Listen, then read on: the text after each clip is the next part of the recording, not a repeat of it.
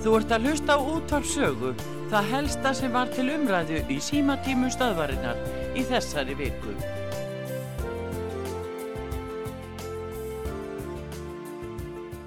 Uh, Arndís heiti ég. Sælardís. Heyrðu, ég ætla nú bara að hafa þetta stutt og laggótt. Já. Allt annað en dag. Já, heldur hann eigi möguleika á því að vera áfram borgarstjóri? Já, hann fjall líka, eða hans meiri hluti fjall líka í síðustu kostningu. Já. En þá kom kúlulánadrottningin og reddaði honum. Sko, ef, ef að dagu verður borgarstjóri núna, þá ætla ég að flytja úr bænum. Það er alveg á hreinu. Já, en er það ekki nú, er það ekki mjög umdelt í raun og veru því að kjörsókn var léleg í þessum kostningum um það vil 60% af kjörsókn og síðan fær hann 20% af 60% hann er sko eh, 1,50 þannig að hann er hann, hann myndi ekki sam, sameina eða, eða styrkja, styrkja samstöðu í borginni ef hann yrði áfram borgarstjóri, hvað segir það? Já, þetta er náttúrulega bara löngu komið nóg. Nú er ég búin að búa Erlendis í mörg ár og hvert einasta skipti ég kom þetta í frí Já. þá sá ég borgina lélegri, skítugri, ömulegri og ég vil ekki þennan mann aftur. Hvern viltu sjá sem borgarstjóra? Ég, ég veit það ekki, Nei. bara allt annað en dag. Á, á að auðlýsa eftir borgarstjóra, auðlýsa? Já, því, því ekki það. Já, já. Það er einleið. Já, Svo kemur til greina formaður framstættaflokksins eða, eða hérna, ekki formaður heldur, jú, fórustum að oddviti framstættaflokksins eða oddviti sjálfstæðisflokksins. Það eru þeir sem koma til greina og einhver Já, ann- sem er valinn út í bæ. Það eru þessi þrjú. væntanlega. já, akkurat, bara allt annað en dag. Kom þetta óvart hlýt- eða varstu, komið þetta óvart eða bjóstu við þessu? Já, hvað getur fólk búist? Já og nei, ég vonaði nú reyndar að hérna, hann í miðflokknum kemist að. Já, já, það, var svolítið bránt frá. Já, það voru að skoðana kannan rétt áður og hann, hann var ekki spáð miklu fylgi og það var kannski haft neikvæð áhrif líka en hann var að fá, já, það gekk ekki vel hjá, hjá honum. Ég held að hann hefur verið að fá, hvað, 2, 2, ætla hann ekki verið að fá 2,4% eitthvað svolítið, það var með sér. Jú, það, það var eitthvað svo leið. Já, eitthvað svolítið. Já, já, þetta Ég er veit það þetta. ekki, ég held að sé sko margir fyrir utan, utan hérna samfélkinguna sem verði mjög á móti því að fá þennan mann aftur. Já. Nú, en þá er það Já, málefnin, Fólki í borginni er ekki í forgangi hjá honum, heldur bara skrauttorki kringum hann sjálfan og tala nú ekki um braggan og allt rugglið í kringum hann. en nú eh, tala menn um framtíðasín, hver, hver verður framtíðasín? Borgarinnar eh, má búast við breytingum, þar að segja hvað verður gert í þessum helstu sammálum, samgöngumálum, Ekkert ef skipurasmálum. að hann, ef að hann kemst að, ekki neitt, frekari fyrir daginn. Nefn að kannski kaupa pálmatri og fleiri sprá. Já. Hvað finnst þér um það að líf hana, sem er uh, borgarfullur vinstri græna, líf Magniðardóttir, uh, hún ætlar ekki að taka þátt í samstarfinu. Hún, Nei, er, það er hún, hún er búin að lýsa því yfir, hún ætlar ekki að starfa með degi B. Nei, á- það er bara ágætt, hún hefur ekkert að hann að gera. En þar með eru vonir dagsegin að farnar, út af henni. Já, að hann þurfti á henni að halda. Sko. Ég, sko, ég er skýt hrættum að einhvern veginn klína sér áfram með einhverjum, einhver, einhverjum stuðningi. Já. Ég, Já, hann er þá að fá framstofnaflokkin með sér eftir að, að, að, að líf lísti yfir, hún ætlar ekki að vera. Hann er með fimm uh, borgarfulltrúa og þá þyrst hann að fá, jú, píratað með þrjá og, og síðan hérna, og já, þá er hann komið með átta nú, og síðan eru viðreistir það ný, ný eða hann fengi þá inn og síðan sósjalistana, þeir eru með tvo. já, Þetta er svona ímislegt sem getur ég, gerst. þá er bara sama hörmungar eh, stjórnin áfram. Já, mér sýnist það Ég bara, erfilega. ég bara trúi því ekki upp á framsókn að það er í eina sæng með hann. Trúi því ekki. Nei. En, en það getur tekið tíma að, að ná þessu saman? Já, já, öruglega. Já. Og svo eins og þú segir það, það er ekkit vittlust að bara ráða borgarstjóra utanfrá. Já, það hefði nú gerist oft hér í gamla dag, við sér ekki Reykjavík en út á landi, að það var bara auglýst eftir manni. Vilt þú verða borgarstjóri í Reykjavík? Hvaða, hérna, hvaða reynslu og mentun hefur þú? Og svo bara er það lagt fyrir borgarstjórn og hvernig vil ég þið velja? Ha, hvernig líst þér á það? það? Já, bara ef það kemi, kemi fær maður eða kona í það, þá held ég að það væri bara... Já, það verið deila á milli sjálfstæðisflokks og framsóknar um það hver, hvor þeirra ætti að gegna stöðu borgarstjóra á milli oddvitana, þá er þetta kannski leið til að komast, út, úr- komast frá þeim ágruningi. Já. En þetta er svona, þakka ég fyrir að ringja til okkar. Já, afturlega. Bless. Essere o dover essere, il dubbio amletico, contemporaneo come l'uomo del neolitico, l'intelligenza è demode, risposte facili, dilemmi inutili. Ah ah ah, cercasi, storie dal gran finale, sperasi, comunque vada Pantarei, and singing in the rain. Lezioni di Nirvana, c'è Buddha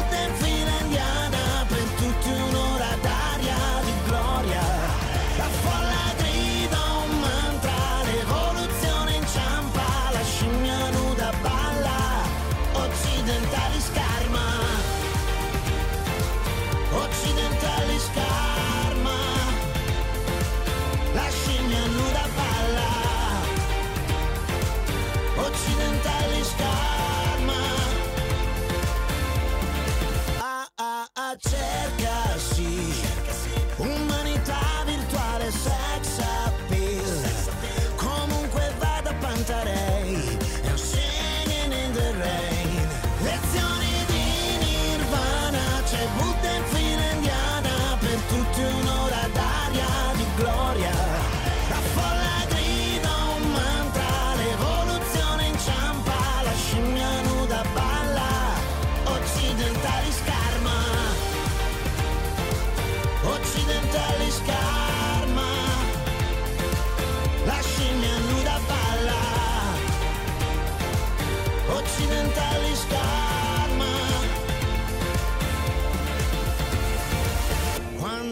vita si distrae, cadono gli uomini, occidentali scarma. Mm. Occidentali scarma. La scimmia si.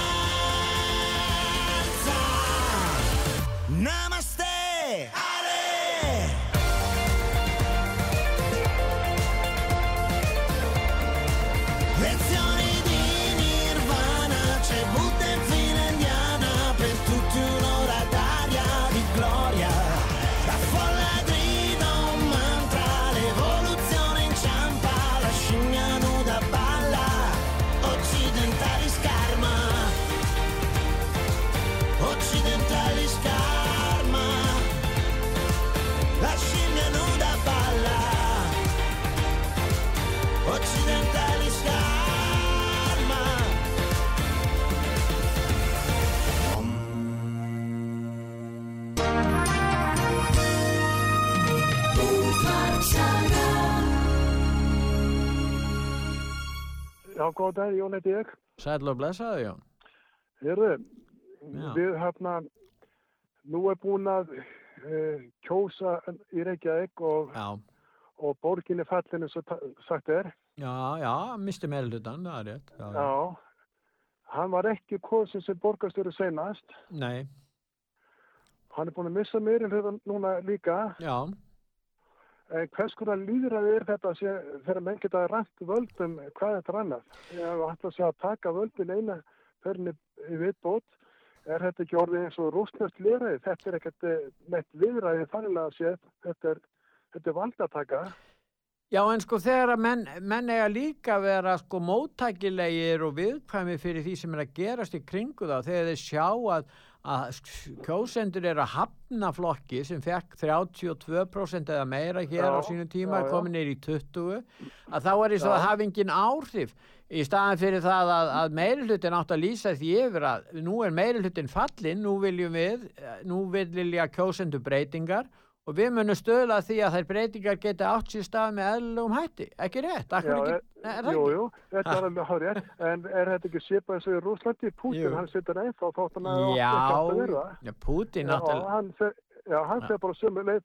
Þessi maður, hann er að fara sömu leið og hann, þannig að, að þetta er ekkert það sem við getum sagt líðræði. Þetta er bara valdataka að vestu gerð og vestu tegund og það sem mér hann finnst, getur, já, hann getur haldið völdum kannski næstu 20 árin að heldur þessum svona áfram. en það sem mér finnst aðteglisverðast og eh, kannski fólk teki, teki eftir því líka og ef þú hlustar á Já. ymsa fjölmiðla hér, þá er eins og að sé verið að draga fram álitskjáfa sem vilja bara hafa hann áfram sem já. Hefur þið tekið eftir þessu? Það er hver á, úr háskólum hér, það er hver álitskjáfan og öðrum sem er að réttlæta það. Að hann siti hann áfram og það er Já. þessi litla virðing sem að þessir aðlar, sko þú verður að tilera ákveðnu flokki og það er þessi sterku tengd samfylkingarinnar við, við í, í Reykjavík, við hérna fjölmiðl ákveði fjölmiðl eins og Rúf og fleiri, að- þess vegna er verið að reyna að hamra þetta inn í fólk að það sé bara eðlilegt að samfylkingin verði ráðandi afl í Reykjavík eftir þessa kostingu. Já, ég spyr sjálf með tilkvæmsar að hafa kostningar er þetta- er að hafa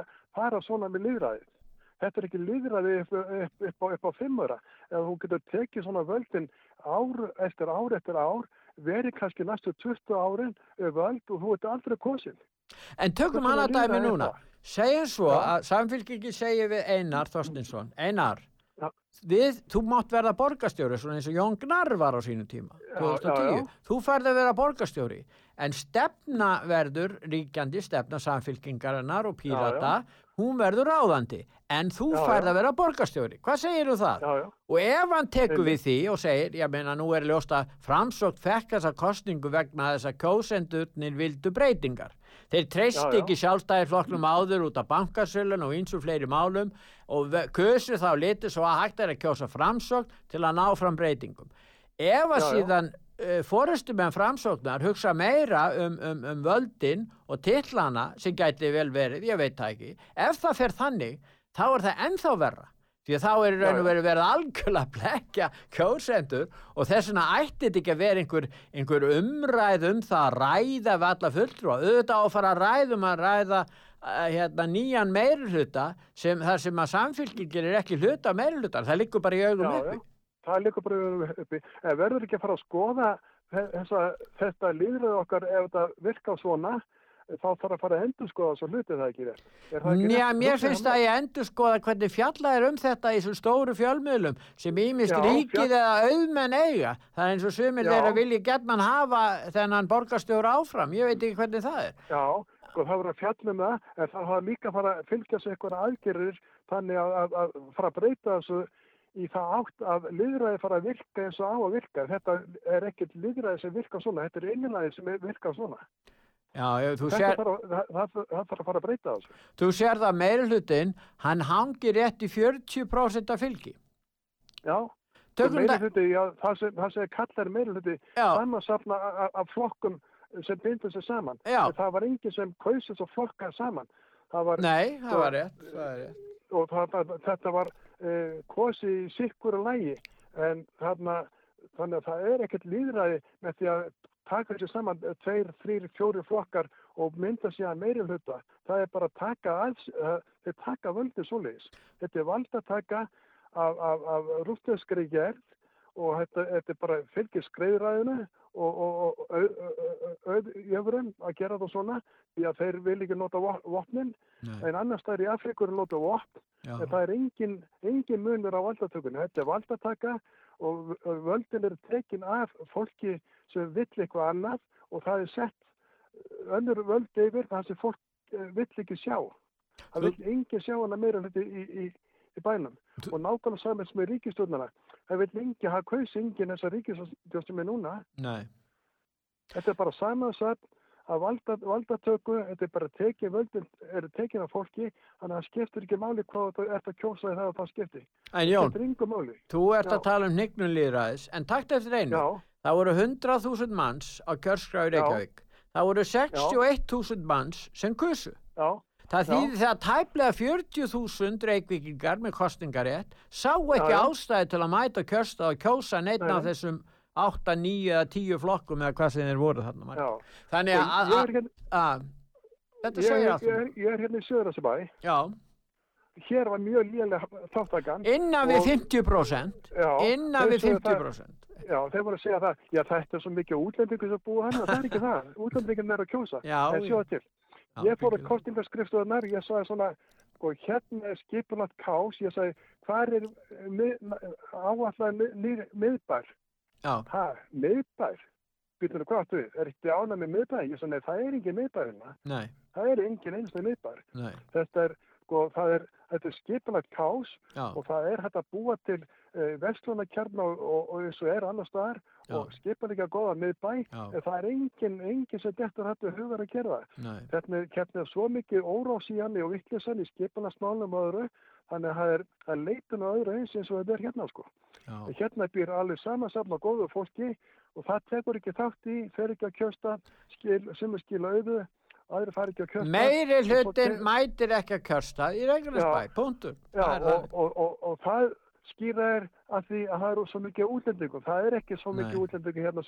Það, það, það, þetta er ekki hluti af útlendingum. Þetta er bara fólk er búin að hafa nóg að skipa leysunu og það veit að það er ekkert framöndan og það fer ekki að, að gæsta. Takk að fyrir Jón. Ok, takk fyrir, fyrir eigi góðstöndir. Bless. Bless, bless.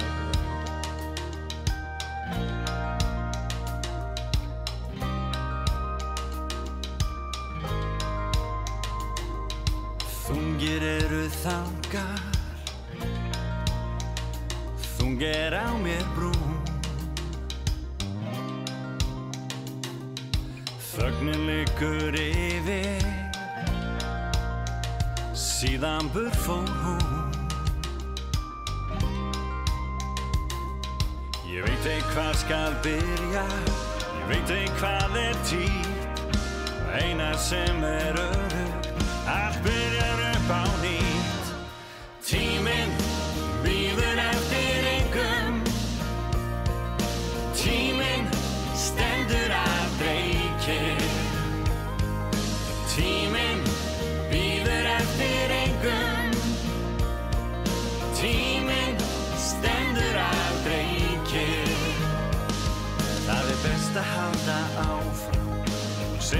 sjálfan sig. Ég hefði betur byrjað fyrr. Gagnast eigi að gráta. Gagnast engin tá. Gæfu verða snúa. Því lífið nú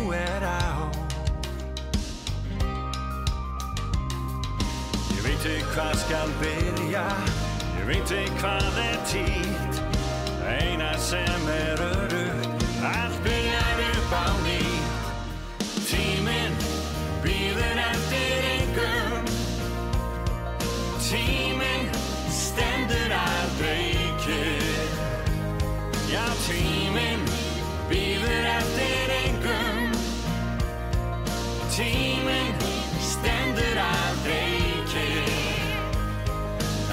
best að halda áfram. Og segja við sjálfan sig Ég hefði betur byrjað fyrr. Því að tíminn býður eftir engum Já, tíminn stendur aldrei kyrr. Tíminn býður eftir engum Tíminn stendur aldrei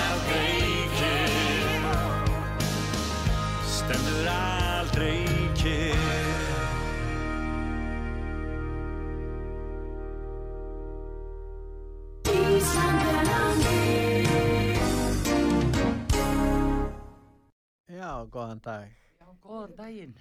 Já, Hvernig hafa við það núna? Já, við erum að, hérna, að býða eftir því hvað þér finnst um, um meiri hluta tilraunni til þess að, að skapa hér meiri hluta í, í borgarsjóð Í Reykjavík. borgarstjórn? Já, þú meina. Já, erðu, já, mér finnst aðalega að maður sjá það núna að hérna, að nú, að borgarstjóri, Dagur Bjarkisson, Já, miskosti fyrirverandi, hann er nú verandi líka, já, já, En hérna- já, að uh, hann ætlar ekki að viðurkenna það að hún var hafnað. Hann bara viðurkennir það ekki. Nei, og það er alveg þokkalega ósýfni gagvart kjósendum í Reykjavík. Og uh, þetta gerðist nú síðast þegar hann tapaði líka fyrir fjórum árum. Nú þá var þessu púsla saman þessu vorum að segja. En uh, að hann skuli halda þessu til streitu núna sem segir manni hvað eru óbóðslegir hagsmunir í húfi að að virða ekki kostningaúslit en það var ekki bara honum, ég meina uh, vinstri reyfingin græn, Já, ég er að segja bara þessu fá, hvað, var fjö, fjö, hafnað. þeir fá fjögra plósinda fylgi og, og hvað gerur hún? Hún segir, ég ætla ekki að taka þátt í meilum Nei, hún ber þá virðingu að fyrir hún því. ber þá virðingu fyrir því og segir, okkur var hafnað í raun og veru. Og hún er bara viðurkenna, eða hún kannski ekki orðaða þannig, hún bara segir að, að þeir hafi ekki náð þeim árangri sem tilstóð já, og þeir ætla ekki að taka þátt í því. Þeir, ég meina, þ- þ- þau er að, eh, sko, vinstri grænir er að hlusta á kjósendur. Já, síðan er það, er það viðreist þeir tapa manni. Já, þeir tapa manni. E, e, hérna, það eru ákveðin samfélkingi tapar. Já. tveimur mönnum og, og, en, þeir, ég, en þeir eru samt að taka þátt í einhverju starfi með pírötum og, og, og hérna, Já. samfélkingunni þrátt fyrir að hafa tapað manni. Já, nei þetta er, er bara, þau neita að skilja það að meiri hlutan var hafnað, já, þessum meiri hlutan. þess te- stefnu. Já, og þeir tala gegnum um framtíðarsýn og annað. Það verðum það sem gerist kjósendur vildu aðra framtíðarsýn. Þeir vildu breytingu hvað þýðir það? þeir vildu ekki status quo eh, þeir vildu ekki óbreytt ástand þeir vildu ekki status quo þeir Nei. vildu breytingar Já, og þeir fengu breytingar gegnum framsóknarflokkin alveg ljós já, já, og þa þannig að, eh, að fólk er bara að byggja um annað fólk uh, við stjórn borgarinn.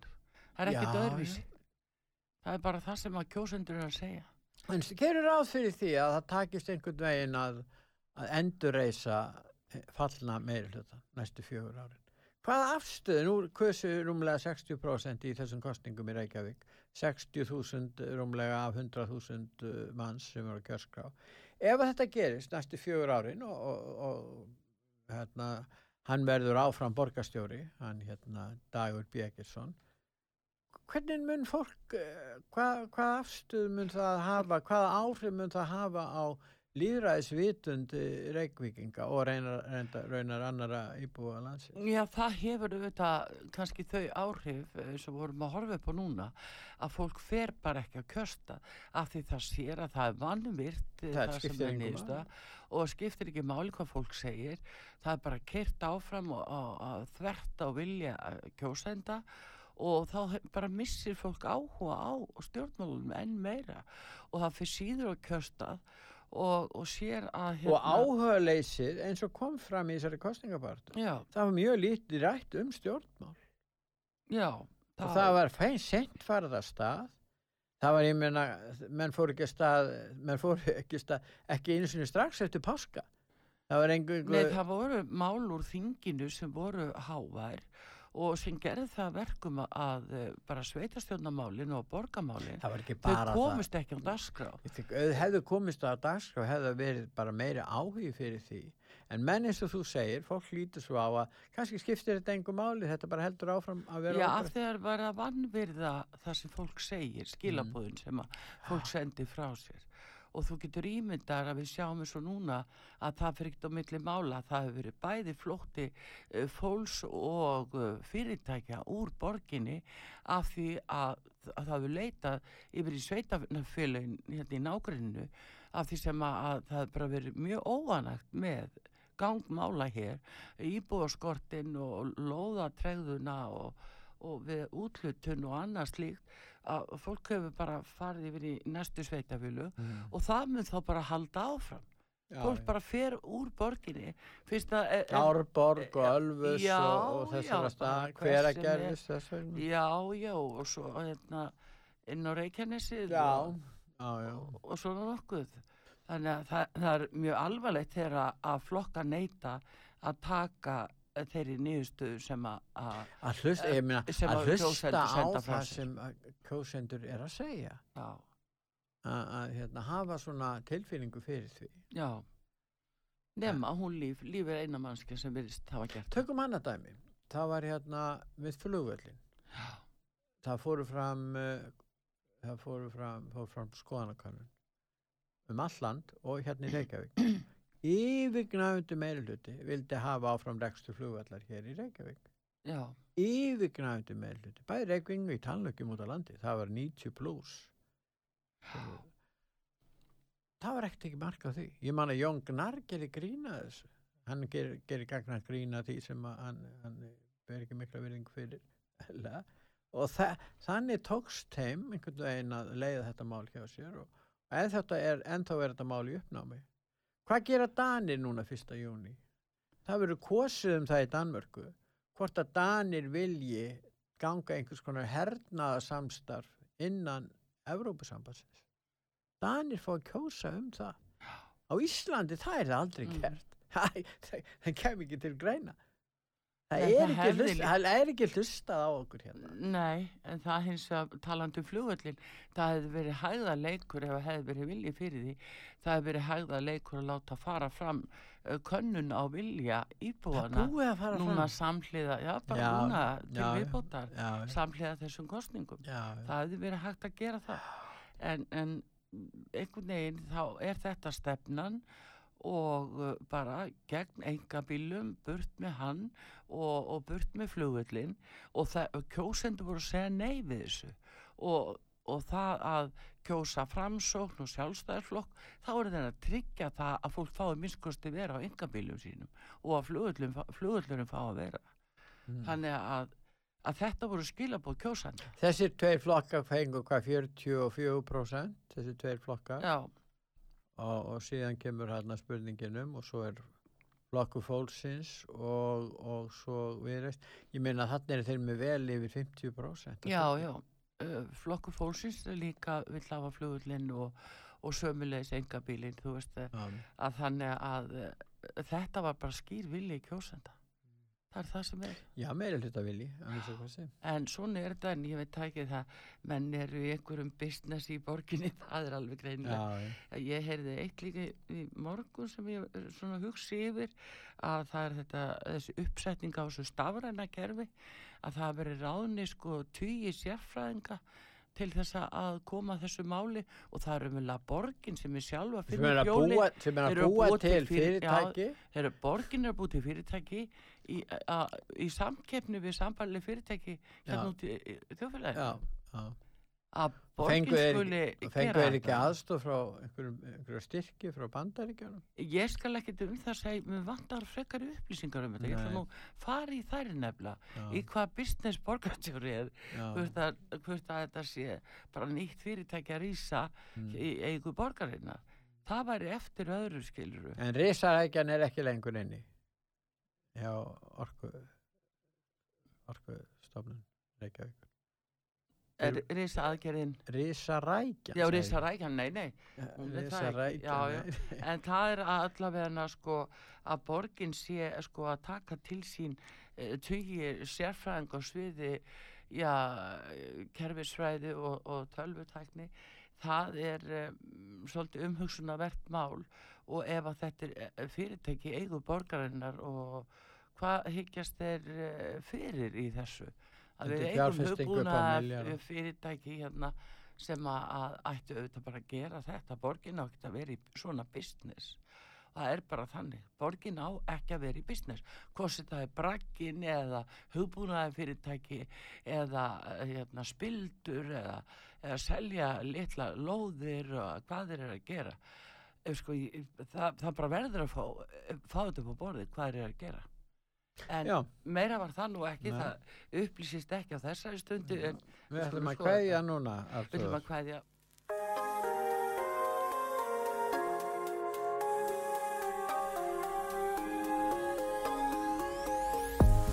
Í sól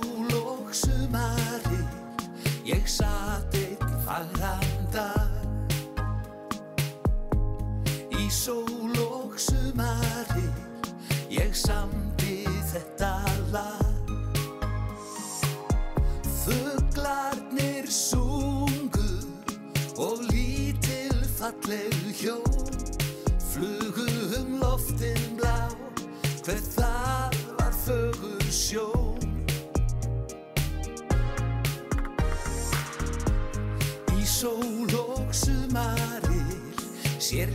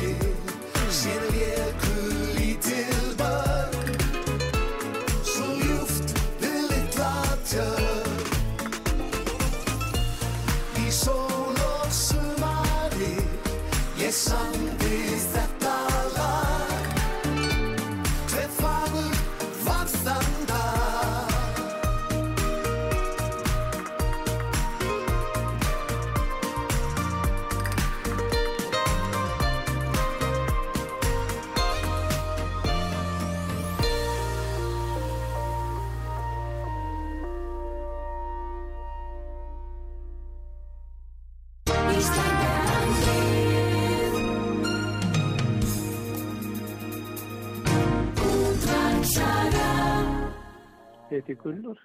Já, sæl.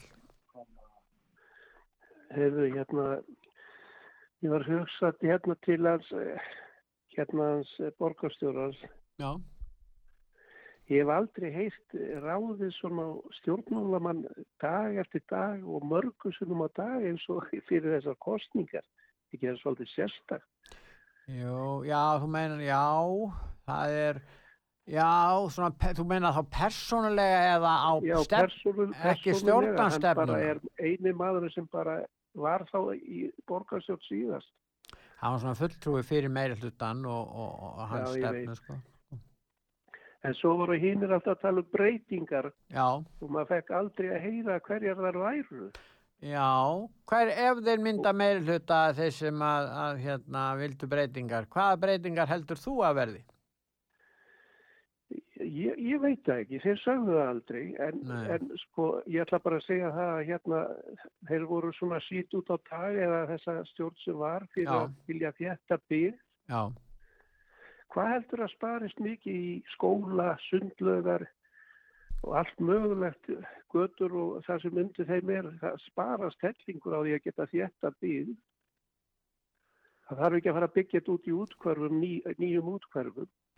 Nei, það er menn, menn að tala um að það sé dýrt húsnæði þar sem að fólk hefur bara gefna á að kaupa þetta dýra húsnæði þar sem þjættingar stefnan er ríkjandi, þetta er svo dýrt að rífa gömul hús og byggja ofan á það og, og dýralóðir og annað sko, það er nú líka það.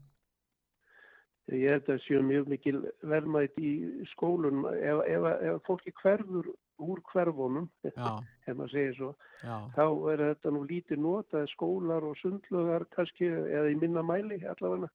En sögðu menn ekki að þeir væru, jú, vildu kannski þjættingastefnun af þessu leiti, en þeir vildu líka byggja meiri í útkverfunum því það, og það vantaði þjónustu þar víða líka, ég menna, þannig að það var kannski ekki algjörleg einstefna hjá þeim sem vildu breytingar að þessu leiti, heldur er það? Nei, nei, það má vera. En svo er það alltaf að tala um sundabrautina. Já, já, Sigurður Ingi og, og hérna Dagur, þeir skrifu undur að skilti hefjast 26, 20, 26. undirbúningur. Þá ættir að taka ákvörðum hvort það verið brú eða göng og, og svona það voru ímsi álita mál og það kom lengur þetta fram að það er ekki allir endilega mjög sáttið við en, en í meiri hlutin held ég vilji fá sundabraut. Er það ekki? Já, já, mér finnst það mjög skynsalegt að gera það. Eins, eins að hafa líka bílveg alveg fyrir umferð yfir fósfórin. Já, já, Það er sem líka ekki að fara að gera brú bara fyrir stræt og, og hjóland og eitthvað svolítið. já, einmitt. Mér finnst það væri miklu réttar að gera bara almennlega veg þar yfir. En væri ekki hægt að auksa sér að er þið bara samstaða í já bæja borgarfulltrúum en kæmi sér saman um, um stefnuna þessu leiti. Það verður, það er ljóst að það verður meira frambúð á lóðum í útkverfunum eftir þessar kostingar. Ég held að það sé nokkuð ljóst og það verður reynd að íta við sundabrautinni og það verður gert bara í góðu samráðu við sem flesta fulltrúa í borginni. Verður þetta ekki einhvern veginn, þróast þetta ekki þannig með þeim hætti? Má ekki búast við því? Það kann að vera að gerist þannig. Eflust, eflust vantar náttúrulega í framtíðinni þarf að byggja meira út á við. Já, já. Fjölgunin er talsverð hérna á Íslandi. Það er mikil fjölgun á Íslandi í raun og veru með Já, að, að já, það sko. Og svo þetta að, að þeir geri, eða hafi gert lítið fyrir þá minna mega sín. Já, Þeir hafa verið að taka við fólki frá öðrum sveitarfélugum. Maður Mm. hafði nú ekki heyrt það fyrir í kostningunum. Þeir hafa verið að taka við fólki frá öðrum sveitarfélugum og veita þeim þjónustu. já, það sem að er minni félagslega þjónusta kannski. Já. Já, Mann er skilst að í Danmörku sé borga fyrir því umlikt. Ef að fólk fer frá minna sveitarfélagi í stærra og fær þar þjónustu, já, þá fylgir greiðsla með. já, fjármagni fylgir með hverjum sem þarf á þjónusta að halda í nýju félagi. Ok, já, Já, já.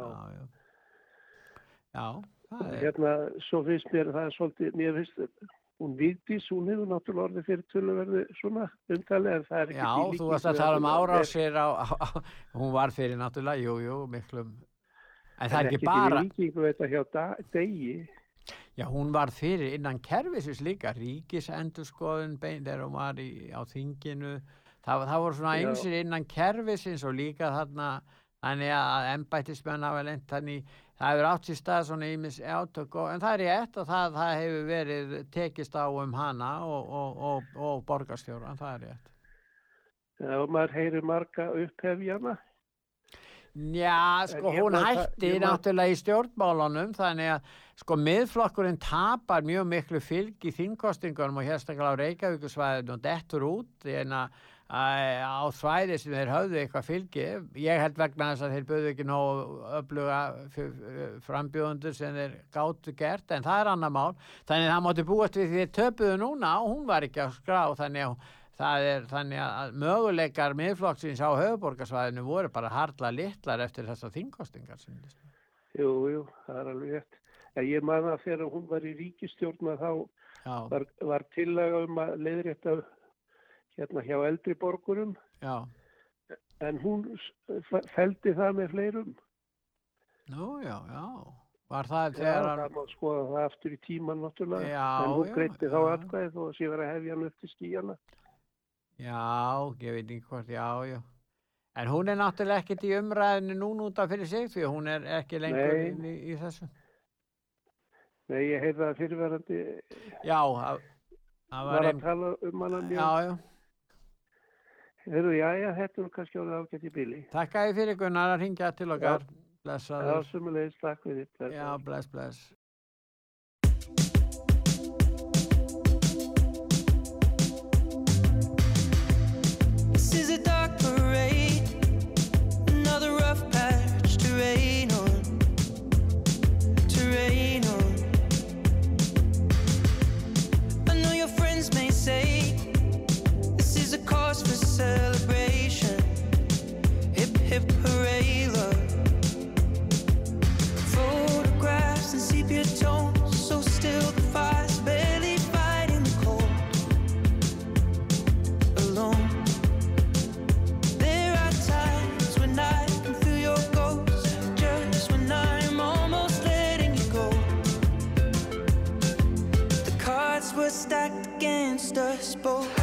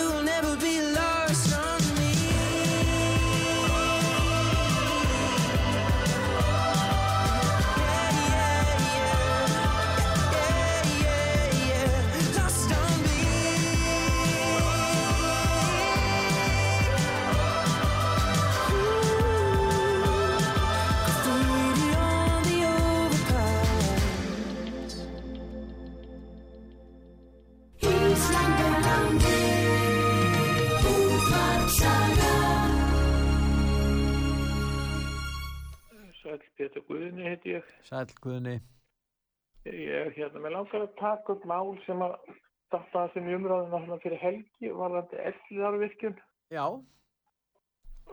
Ég var svona með kannski eh, langar að prjóna við þá hugmynd, ég ég náðu nú ekki inn sko eh, væri ekki, ekki þrælsnið að, að við, um, fara með þessa virkinu í nýtingu og tengja hana bara beint við höfnunin í sundahöfnetin og stutta þara og, og, og plökka skipin þar þá er þetta bara einangra verkefni. Já, já, er, en er það nóg mikil framlegsla hjá þessari stöð að hún gæti stað undir uh, Já, hvað er eitthvað stóð þegar það er, viltu meira? Já, það getur verið, já, já fyrir utan það að, að hérna þessar túrbínu sem í dag er í bóði, þær er að margfalda getun og annað. Þetta er bara, þetta er hugvegna þess að það kom nú þarna umræðum þetta, Já, borginni finnst þetta svo dýrt. já, já, já. En það kom maður þarna, eldri maður sem að miskist að einhver hópur eða flokk, þeir reka mikið að smávirkjunum út um allan. Já, Hann sagði að þeir getur sett þetta í gang fyrir 10% af því sem borgin áherslu að kosta. já, já, já, já.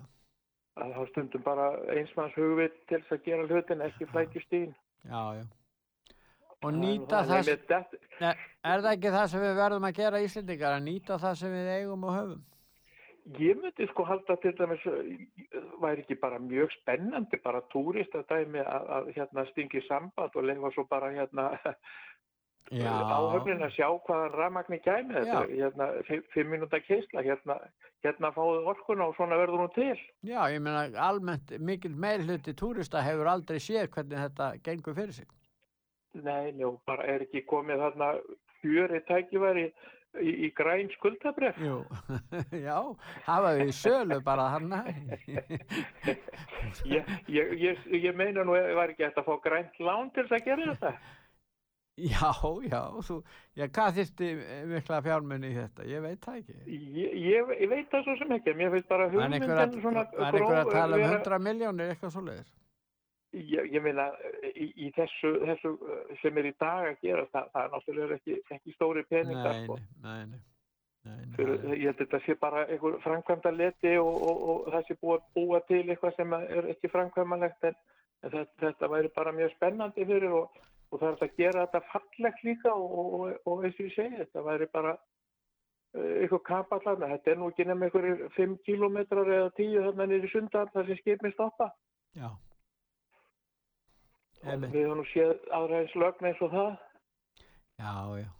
En þetta er ágætt, um, ágætt hugmynd og ég ætti að fara að huglega það þessi stjórnendur og vantalega nýju stjórnendur í Reykjavík. Ný- nýju borgarstjóri tekur þetta fyrir Já, við skulum bara vona það, blessaður. Bless, takk fyrir, hefur góðan dag Sumulegis. Cause the time was never there. It was shattered everywhere. And the hearts, they missed the beat.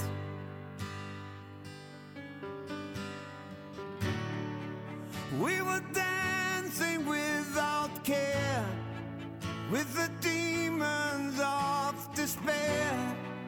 Without any time to share. And when you take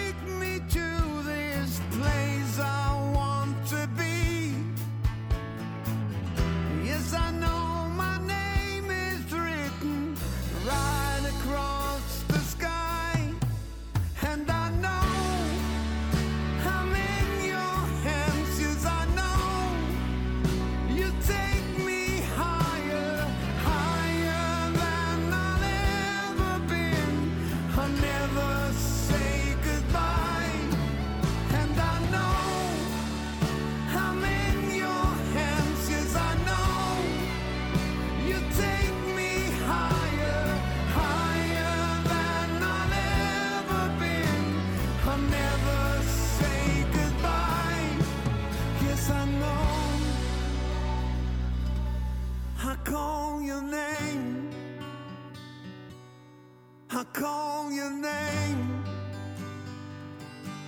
I feel the shame. Again and again, I've been talking to you on the phone, but I end up all alone. I'm trying to get through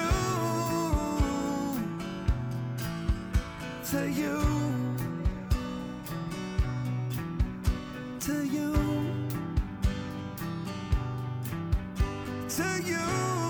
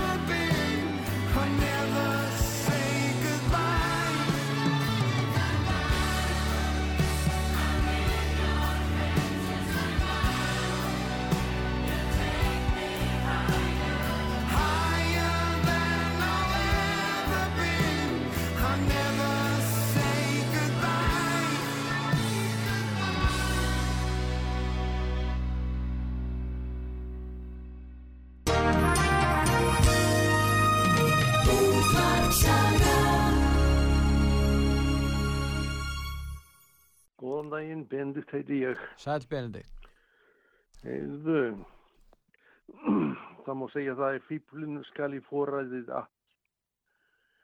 Ég hef verið að minnast svolítið á það að hópun pólverja á vestfjörðum, mér finnst það ekkert skemmtilegt. Og það er ýmsir menn að nefna þetta við mig. Það verður enginn verið svo mikið fíbla að ringja og tala um þetta. Sko. Er það að tala um að úrslitin á Ísafirði hafi ráðist af þessu? Nei, ég er að tala um hópun pólverja á vestfjörðum. Já, einmitt.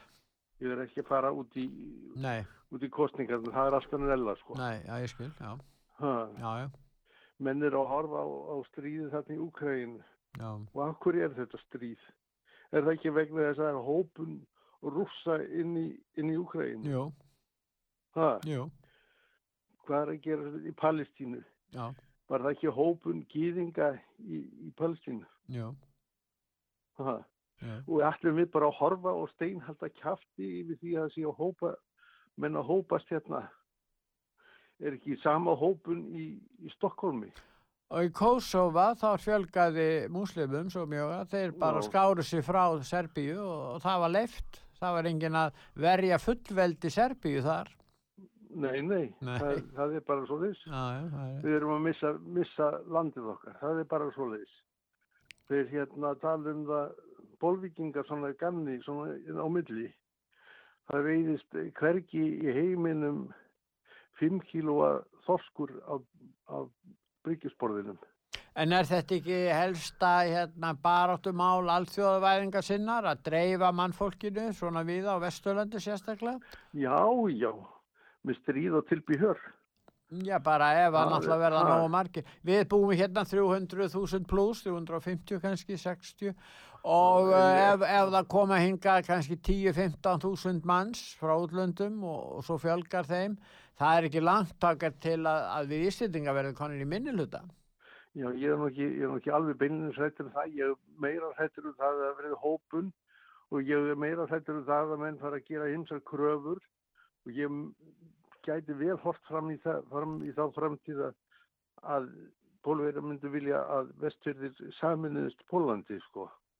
Já, Það, Já. það er mikið þjóðirniskind í, í er rétt. En nota beni, Pétur, ég ætla að taka það fram, mér er ekki illa við mannin sem er pólverji. Nei, nei, Mér er, mér er ekki illa við hann. Ekki neitt. nei, nei. En ég er bara, mér blöskrar svona hópun, þetta svo kallaði þjóð, þjóðarráð. Þjóðvarnaráð. ég man ekki Þjóðar hvað það heitir. öryggisráð, er þetta að tala um þjóðar öryggisráð? Þjóðaröryggisráð. Róluráð, þannig. Það er fósittisáð Þeir, hans þeir viljast ekki hugsa, hugsa um annað en að reyna að fá eitthvað, eitthvað laun þarna fyrir, fyrir starfi, starfi sitt. Já, já, Þetta þarf að vinna fyrir kaupinu sínu. já, já. Heyrðu, Björður minn, þetta er, þetta er ágætt hjá mér í dag, finnst þið ekki? Jú, ég þakka því fyrir að var- Benedikt. Það var ekkert blessaður. Bless. Ég stend á sama stað og stóð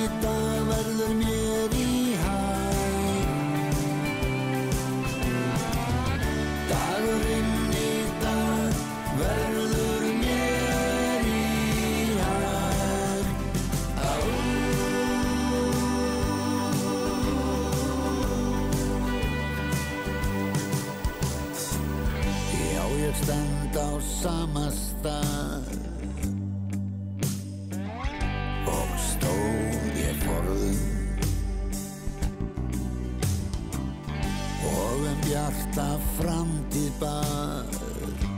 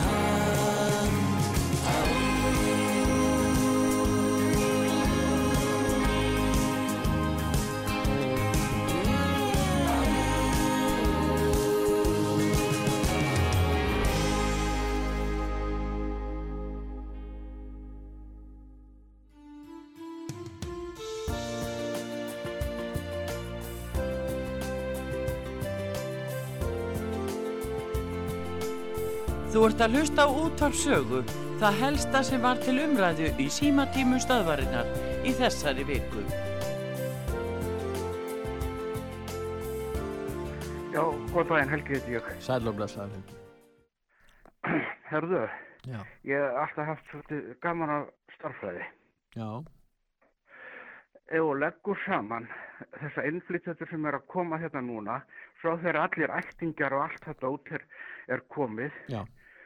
Og hérna, og ef þú, ef þú mínusar þessar útlendingar sem eru hérna, veistu hvað tekur mörg ár að þessi sem ekki eru Íslandingar verður átni fjölmennari við. Já, hvað tekur það mörg ár?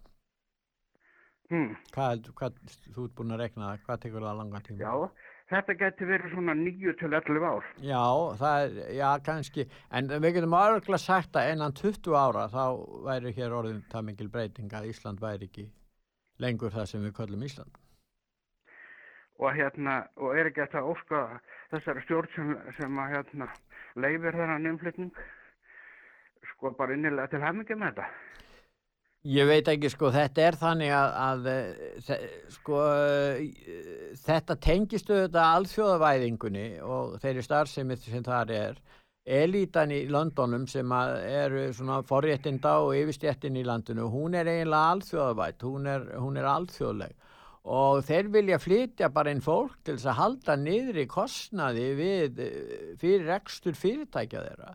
Og þeir, ef, ef allum verkalýsreifingin fer að gera allt og mikla kröfur eða gerða vera á mikla kröfur, nú þá bara segja þeir einfallega en þá bara flýtjum inn fólk sem er reyðbúið til að vinna fyrir miklu lægri launum og vinna erfiðari störf hér á lægri launum. Ég menn það er það sem verður að byggja. um.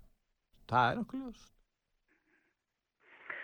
Já, en þú gleymir bara einu við þessu, en hvað taka allar þessar eh, hérna leigur, starfsmannaleigur og allt þetta dót? Já, já. Að, að ég held nefnilega að þetta sé dýrara fyrir hérna, hvernig þarf á þessu vinnu að, en að halda þegar allt er talið. Já, ekki til það, já, já, það kann að vera þeir ákvörðun þeirra, en, þe- en þetta er hins vegar ástæðan fyrir því, það er bæði í, á stjórnmálulegum ástæðan, þá vilja þær fá hér fólkin sem kýst á, nú eru það 30.000 útlendingar sem eru á kjörskrá, ég veit ekki hver kostingaþáttakan var mikil hjá þeim, en þetta áttur að fara mjög vaksandi, þess vegna breytur kostingalónum og þess vegna e, þeir voru ekkert að breyta því af öðrum ástæðum, þeir gerðu það, töldu að það veri nöðsett að breyta með einhverjum eh, for, að, hérna, formlegum ástæðum öðrum, en þetta er höfuð ástæðan fyrir því og við eigum eftir að sjá það að það verða ekki langt okkur til að yfir 100.000 útlendinga verða með hérna, kostingarétt á Íslandi og, og þar með vitum við alveg að þetta hefur gífulega áhrif á, á alla pólitíska stöðu. Ef þú horfir á tölutan Reykjavík, langstæsta kjördæminu, sjálfstæðisflokkurinn sem var með yfirbyrðastöðu, hann fær engungu 14.000 atkvæði í Reykjavík og er þó stæsti flokkurinn. Hugsaði þér þegar að komið er allir þessir útlendingar. Ég meina, uh, þessir 14.000 sem kursi sjálfstæðisflokkin verða konin í minni hluta ef það verið samstaða meðal útlendingar um að kjósa einhver aðra flokka eða einhvern sérstakann flokk. Þú sérða að þetta eru svo háar tölur sem við erum að tala um í sambandi við innkomu þeirra. Sko, já, já, hérna, það, það má alveg setja þetta svona upp, en þetta er bara, sko, þetta er væðarsett, sko, þetta er miklu, hérna, viðbúrslegra heldur en bara martröð sem mann hrökkvað upp við á nóttunni. En, en ertu, ertu hissa því að stjórnmálamenn skul ekki tala meira um þetta? Hvað finnst þér? Já, að hérna, ég held að þeir gerir sér ekki nokkar raun fyrir því hvað eru múlega um að vera. Er þeir hrættir að ræða þessi mál? Að verði ráðist á það sérstaklega persónulega fyrir Já, að skoða? þetta, og, og þá eru þau stimplaði rasistar og, og eitthvað Já. þaðan að verða. Já, já, ég skil. Já, já. Og hérna sko, já en þessi 14.000 sem þú varst að tala um ákveðin flokku hengi, mér finnst það nú bara 14.000 að koma mikið. Já, það er, það er algjört aukaðrið. Ég er bara að segja, ef að stöðsti flokkurinn fær ekki meira fylgi í, í langstæsta kjördæmi þar sem eru 100.000 á kjörskrá, Hvaða tekur lítinn tíma með breytingum að, í stefnu að þeir innflytjendur eh, fá hér landlistarleif og koma hér í stórum stíl að þeir geta umbreytt stjórnmálunum og tiltölulega skömmun tíma. Sjáðu bara lítil sveitafélag um all land hvað þeir verið fljótir að komast í meirihluta. Þetta er að til dæmis í Danmörku. Það eru til dæmis múslimar komnir í meirihluta í litlum sveitafélagum þeir eru farin að, er með meirihluta í skólanemdum og þar er reikin ákveðin stefna sem er, er, er, er sko til dæmis þar er ekki bóðið upp á svínakjöt þó að Danir séu mestu svínakjöt framleiðendur í heimi það breytir því ekki Herðu Pétur, það var gott þú myndist á þessi hérna nágrannlöndin okkar. Já. Það er nefnilega bæði í, í hérna í Danmörku. Svíþjóð og gott að það er ekki Norge líka Já. að lögreglan þorir ekki inn í ákveðin hverfi nema með, með Nei. aðstof hersins. Nei.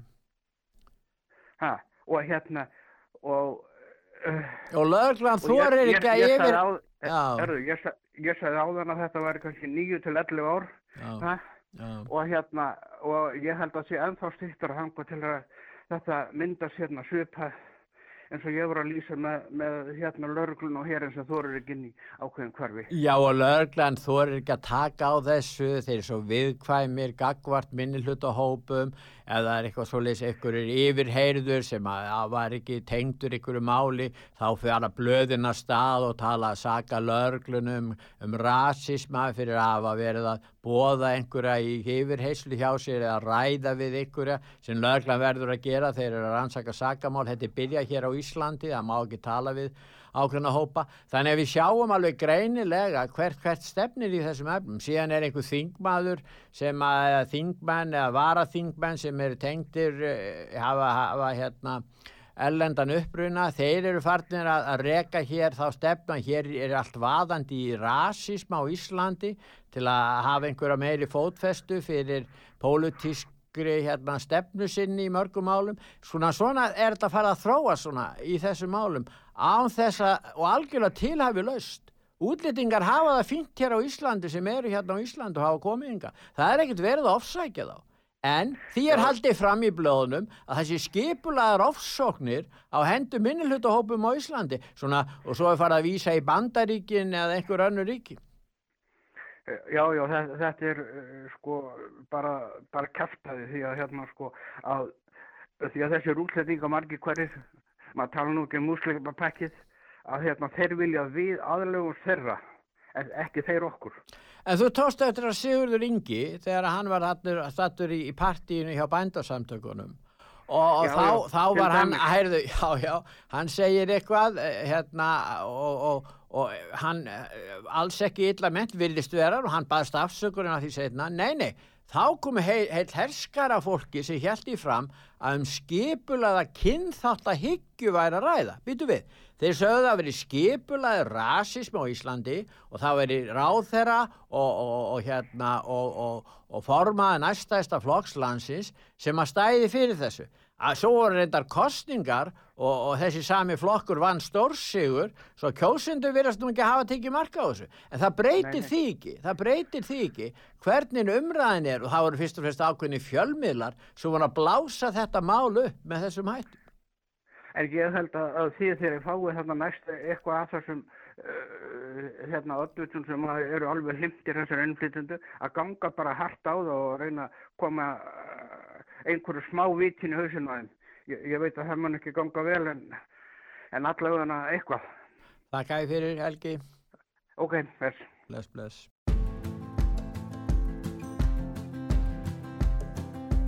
It's 4 a.m. I can't turn my head off. Wishing these memories will fade and never do. Turns out people lie. They said just snap your fingers. As if it was really that easy for me to get over you. I just need time. Snapping one, two.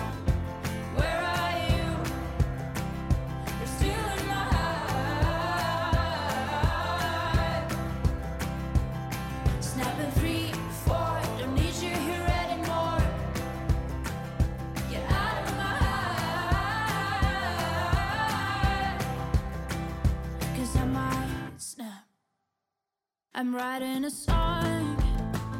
Said this is the last one. How many last songs are left? I'm losing count. Since June 22nd, my heart's been on fire. I've been spending my nights in the rain trying to put it out. So I'm snapping one, two. Where are you?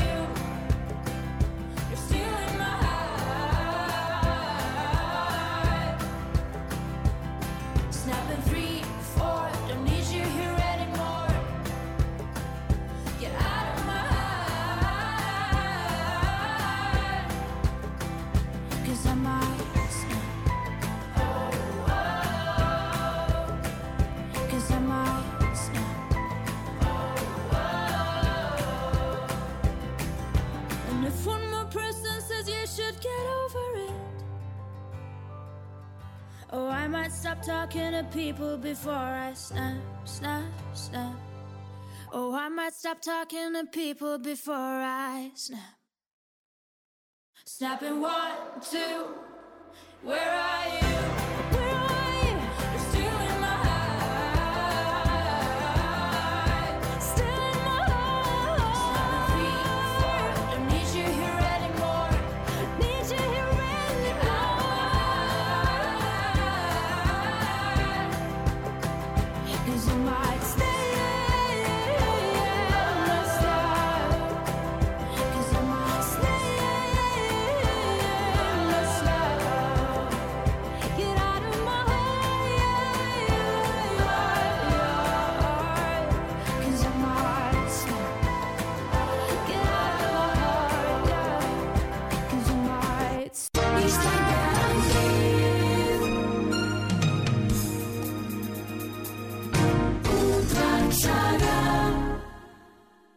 Ég heiti Sigþóra. Sigþóra, sæl og blessuð.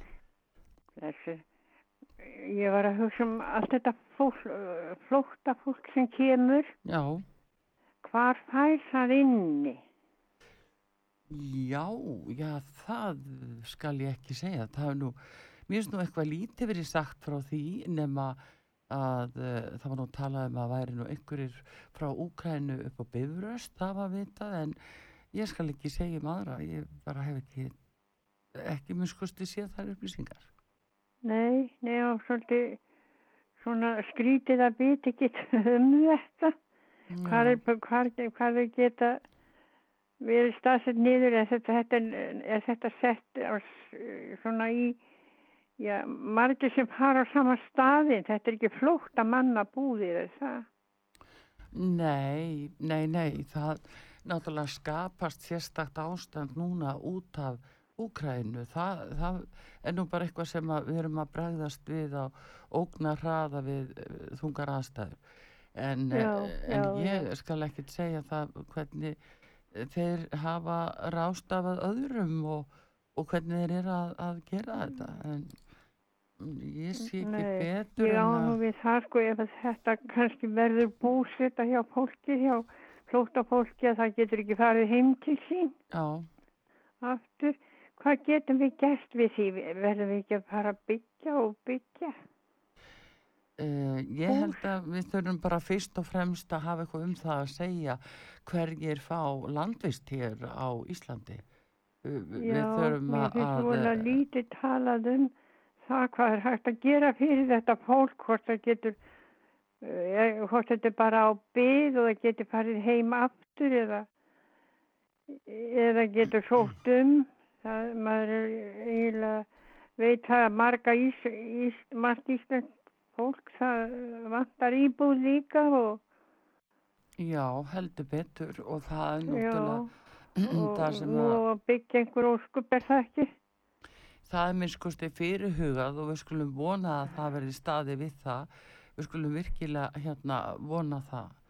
En hérna það er nú sagt hér einmitt á fórsíu fréttablasins í dag að það sé flóðbylgja brottvísana sem sé framundan og þetta er haft þetta Magnúsi Nordal lögmanni og uh, fréttablaðið uh, skir- segir hér brottvísanir hælisleitinda eru hafnar frá Íslandi eftir að hafa leið að mestu niður í, í tvö ár að sögn Já, Magnúsar M. Nordal lögmanns einbeitt til lauruglan sér nú að þeim hælisleitundum sem tilstendur að vísa til Gríklands.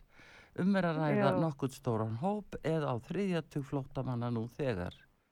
Fjöldi, fjöldin gæti stór vaksið. Þetta sé við þetta blæðið að hafa þetta Já. eftir uh, honum Mér, Magnúsi. mér finnst sko að, að til dæmis eh, ef það eru hælisleitendur margir hverjir kallmenn, Mhm. Mér finnst að fjölskyldur ættu þá að ganga bara fyrir eða, eða konur með börn en ekki vera að taka einhverja menn sem að maður veit svo ekkert hvaðan koma. Já, það er aðalega í hvaða tilgangi komaður. Já, ég á við það. Já, Ég á við það, maður veit ekkert um það. nei.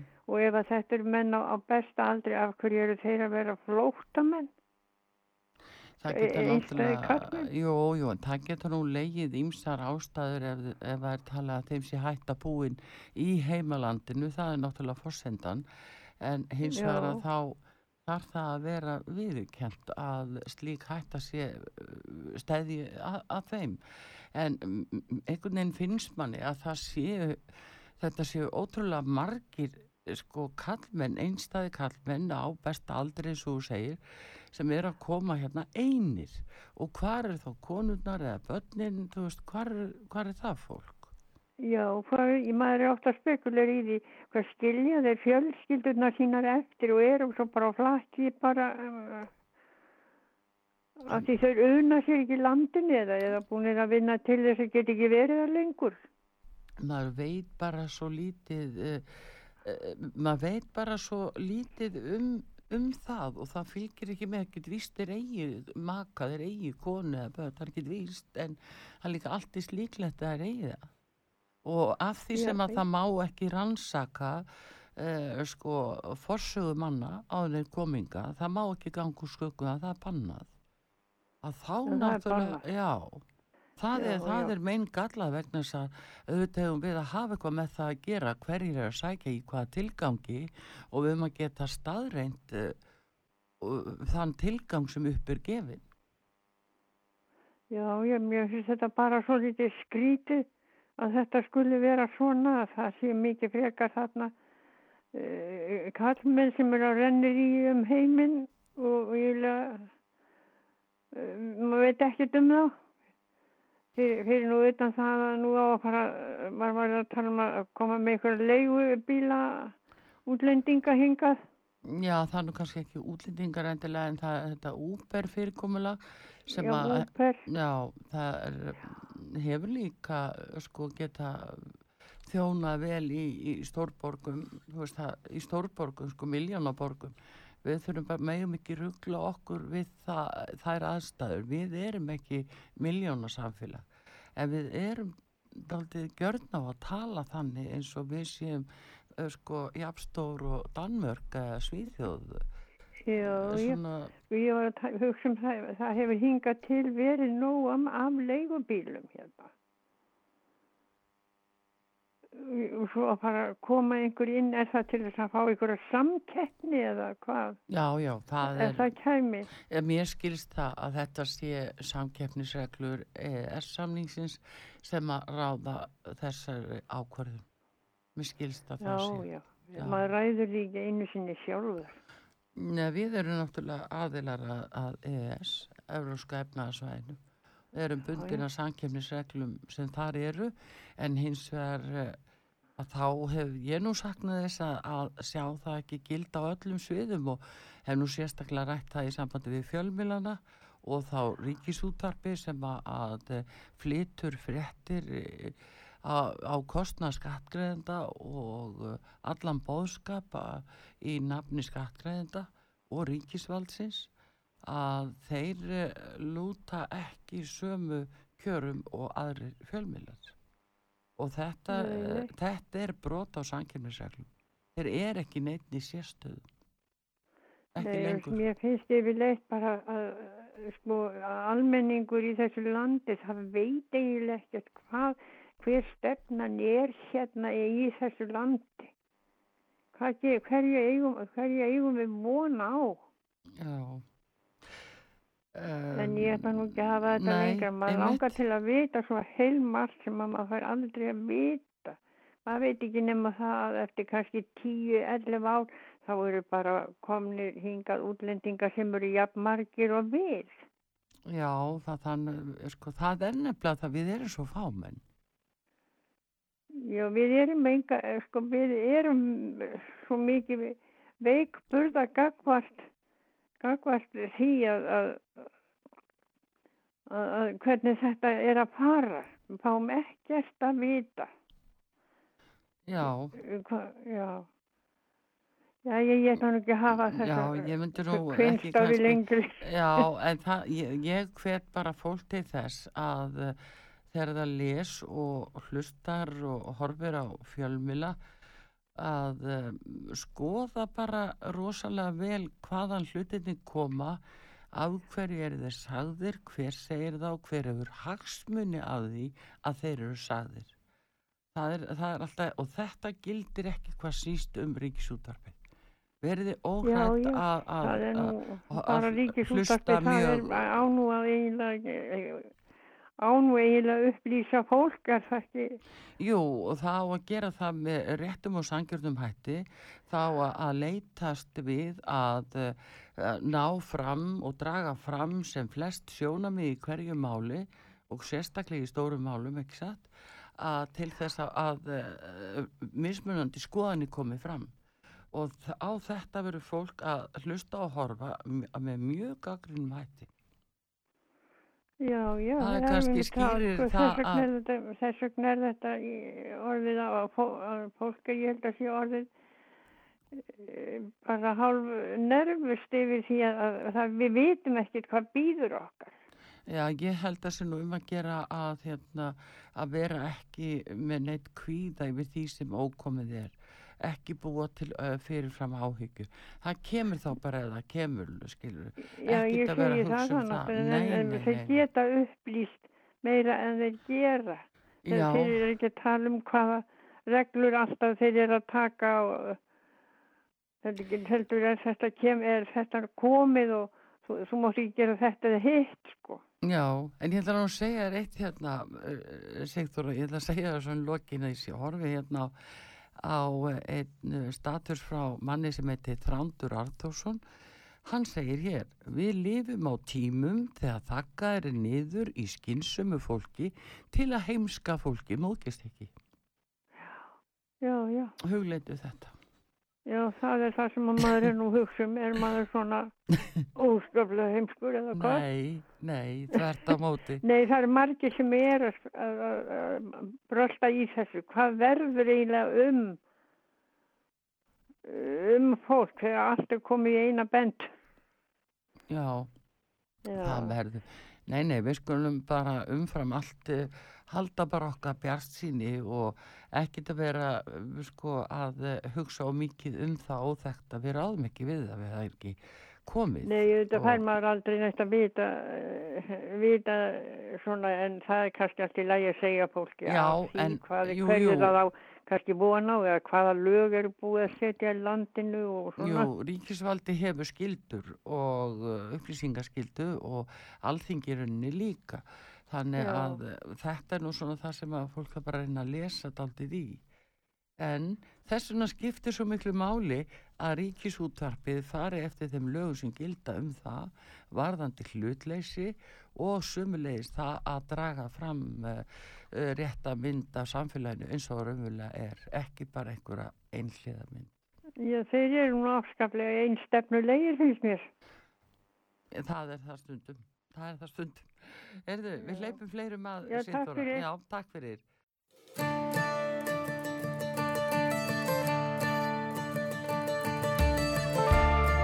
Ég horfi út um gluggan minn. Í snjónum frosin slóð. Einhver er að hvísla hljótt Mér náttúrunnar ljóð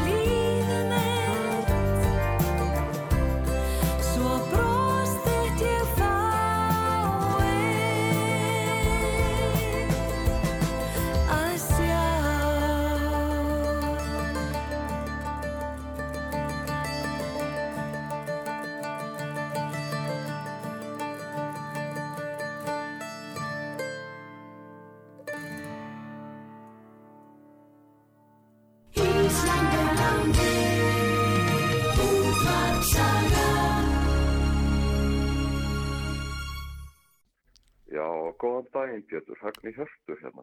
Já.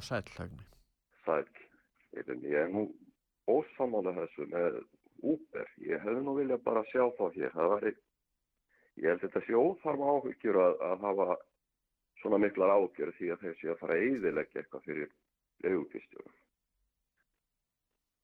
Ég, hérna, ég veit það að hérna, þeir geta ekki sint þessu almennlega til dæmis um helgar og á þeim tíma það sem að mest er að gera leigubílstjóra. Þetta er allt ágætis menn, ég er ekkert að segja það.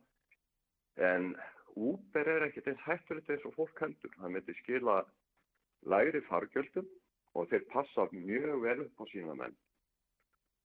Þannig að ég held að það sé ekkert verið að fá þá hingað og ég held að þetta sé bara óþarf áhyggjum með þetta að þetta sé einhverju kynferðiskleipa menn og annars líkt og þeir keir ekkert án réttenda og, og þeir eru merktir Uber bílarnir. Þannig að það er auðvelt að rekja það eða virka kemur upp á þar. Þannig að ég held ekki að þetta hafi neinn slæm á heldur bara að vera til lækkunar á, á hérna leigubíla kostnaði fyrir almenning. Já, það, það er samt, uh, þetta hefur ekki gengið vel þar sem að þetta hefur verið innleitt alls það. Nei, ekki, ekki alls þar, það er sjálfsagt alveg rétt hjá þér, sko. Það eru alltaf misjafni sögðir innanum, en ég held ekki að, að hérna, í eins fámenn landis okkar að, að, að það verði ekki strax vitað, mann. Henni sínst það að það sé gripið nú fljótt í tauma, það er til dæmis... Já, okkur ekki lengur, Eh, það er ekki þannig. Lögreglan hefur ekkert enga, hefur svo litla möguleika að fylgjast með svona málum. Þeir eru hættir því, þeir, þeir reyna að víta frá sér sem flestu málum hjá lögreglunni vegna þess að hún er undirmönnuð og, og þeir eru meira eins og einn benti á, þú sérði ekkert lögreglu hér á, á götu almennt séð. Þannig að, að, lögreglan hún hefur bara að nóga að sinna og kemst ekki eins og yfir það og margir sem er að kæra mál til lögreglan fá ekki afgreðslu á þessum málum vegna þess að þetta liggur hjá þeim svo lengi og þeir eru ekki aðstöð. Þannig að þetta á bætast við að fylgjast með eða- og öðru slíku, það líst mér nú ekki á það.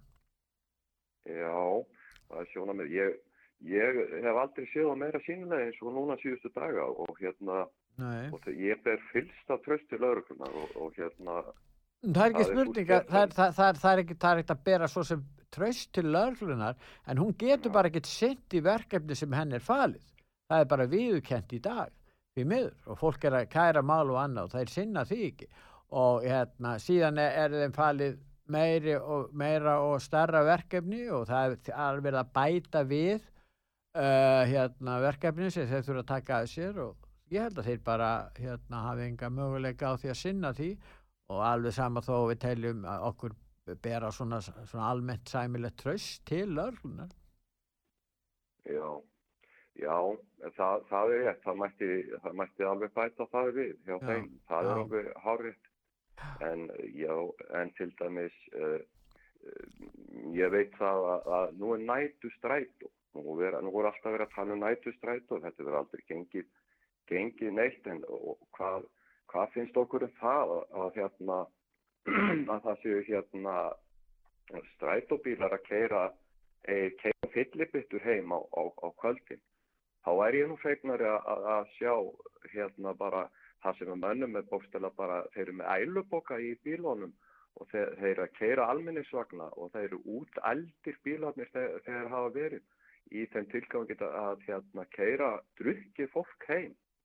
Eh, Hérna er eitthvað meira að viti því að þar séu sóaðir sóun á, á Mm. miljónum og miljardum bara í, í, í það eitt Ek, ekki eins og þú Ég- lýsir þessu ögni, nei, nei, það er alveg rétt, ekki eins og þú lýsir þessu. Það, þetta er, Já, ég, þá myndi ég frekar vilja sjá Uber. Ég, ég sjálfur hef tekið Uber. Ég hef ekki verið já. var við þetta sem er verið að- að Nei, tala um nei, það er náttúrulega langt flesti sem hafa verið í- víða farið og, og nota þessa þjónustu og ekkert gert neina aðtúrsemdi við það frekar en þjónustu almennt.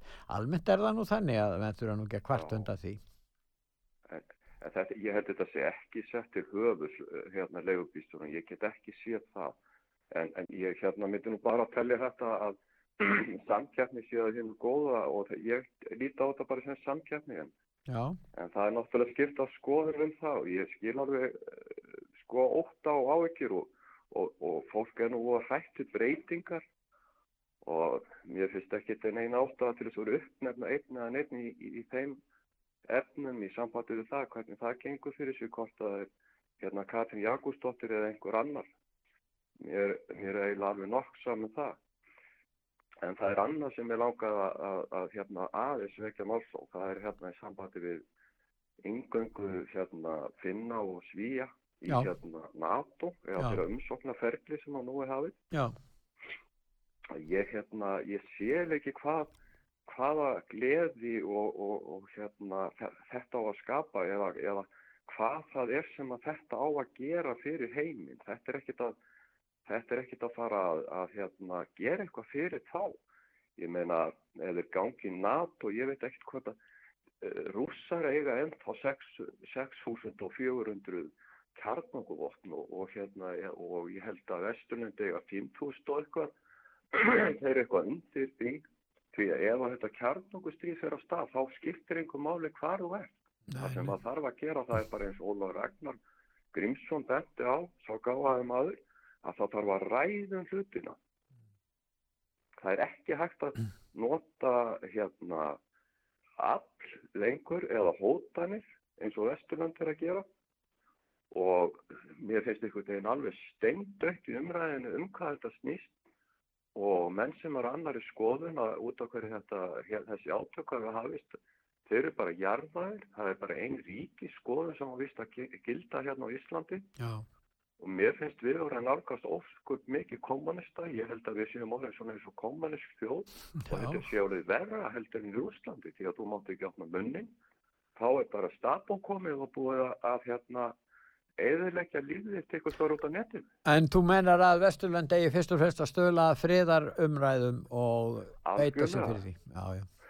Ég, mér finnst hann bara baneittraðan hann Joe Biden og hann til, og þegar þeir lengtu í þessu stríði með það, það markmið að, að hjálpa úkranjumennum þá gerðu þeir bara verri, verri grikkældi. Ég held að þeir verið bara skárra að eh, heldur en að öll þessi líf og hefur fólk hugsað um það hvað er að gerast í Afríku út af þessu stríði.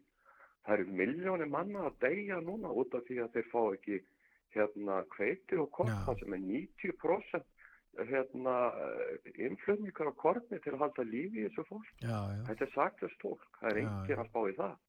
það og, og það, mér, hérna, mér er svo mikið hérna, svakalega að heyra fólk vera, sko, það kemur í fréttum hérna, að, að nú sé, nú hafi dáið hérna 5, 5 og 150 og ég veit ekki hvað í Úkarni, á meðan eru einhver 30 önnur stríði gangi, það sem er að vaða yfir Afrikubúa til dæmis, það sem eru deyja miljónu saman, það er aldrei mist orði á þetta. Nei, nei. Þetta var eiginlega sem við langaði að segja, svona í, En hvað finnst þér um afstöðu íslensku ríkistjórnarinnar og auðaríkisráðara í þessu máli? mynd, myndur vilja orða spurningur aftur, heyrði það næsla. Eh, hvað finnst þér um afstöðu íslensku ríkistjórnarinnar og auðaríkisráðara í uh, Úkrænu málunum?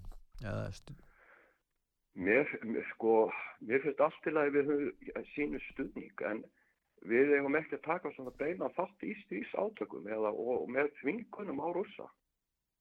Og í málum sem okkur komur höfum ekki við. Þa, það sem er bú- búið að vera að gerast í Úkræni, það er bara búið að vera stríð þar í átta ár innan, innanlands. Það sem þeir eru búin að vera að berjast innan sinna eigin, eiginlands gegn hérna nazistum.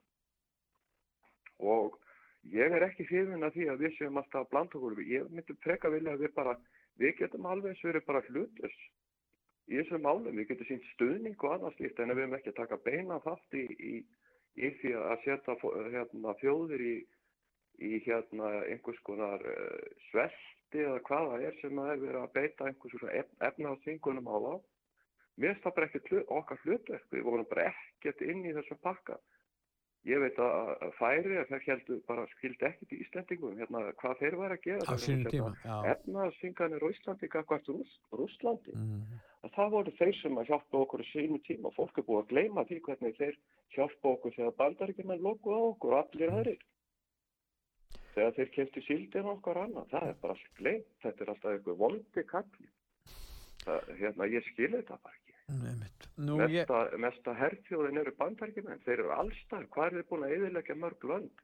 Líbíu, Afganistan, Írak og, og ég veit ekki hvað og hvað. Þetta telur bendalus, Vietnam, það er, allt, það er alveg sama hvað þeir gera. Það, það er ekki, það skiptir engum máli en og það bara, það var bara gott. Og þeir hlóðu bara þegar það var verið að draga, ég maður þegar hérna var það ekki Hillary Clinton sem stóð og skellir hló. Þetta, þetta er bara satisting. þegar að, þegar, já, þegar að þið voru að drepa, já, já, já, man. Þetta er siðlust fólk. Þetta var ljótt, ljótt að, að horfa upp á það. Það var ljótt að, já. Það var ljótt. Ég þakka þið fyrir að ringja. Já, þakka þér fyrir að hlusta og ég, takk fyrir mig. Já, þakka þið fyrir að ringja. Gjörðu svo vel.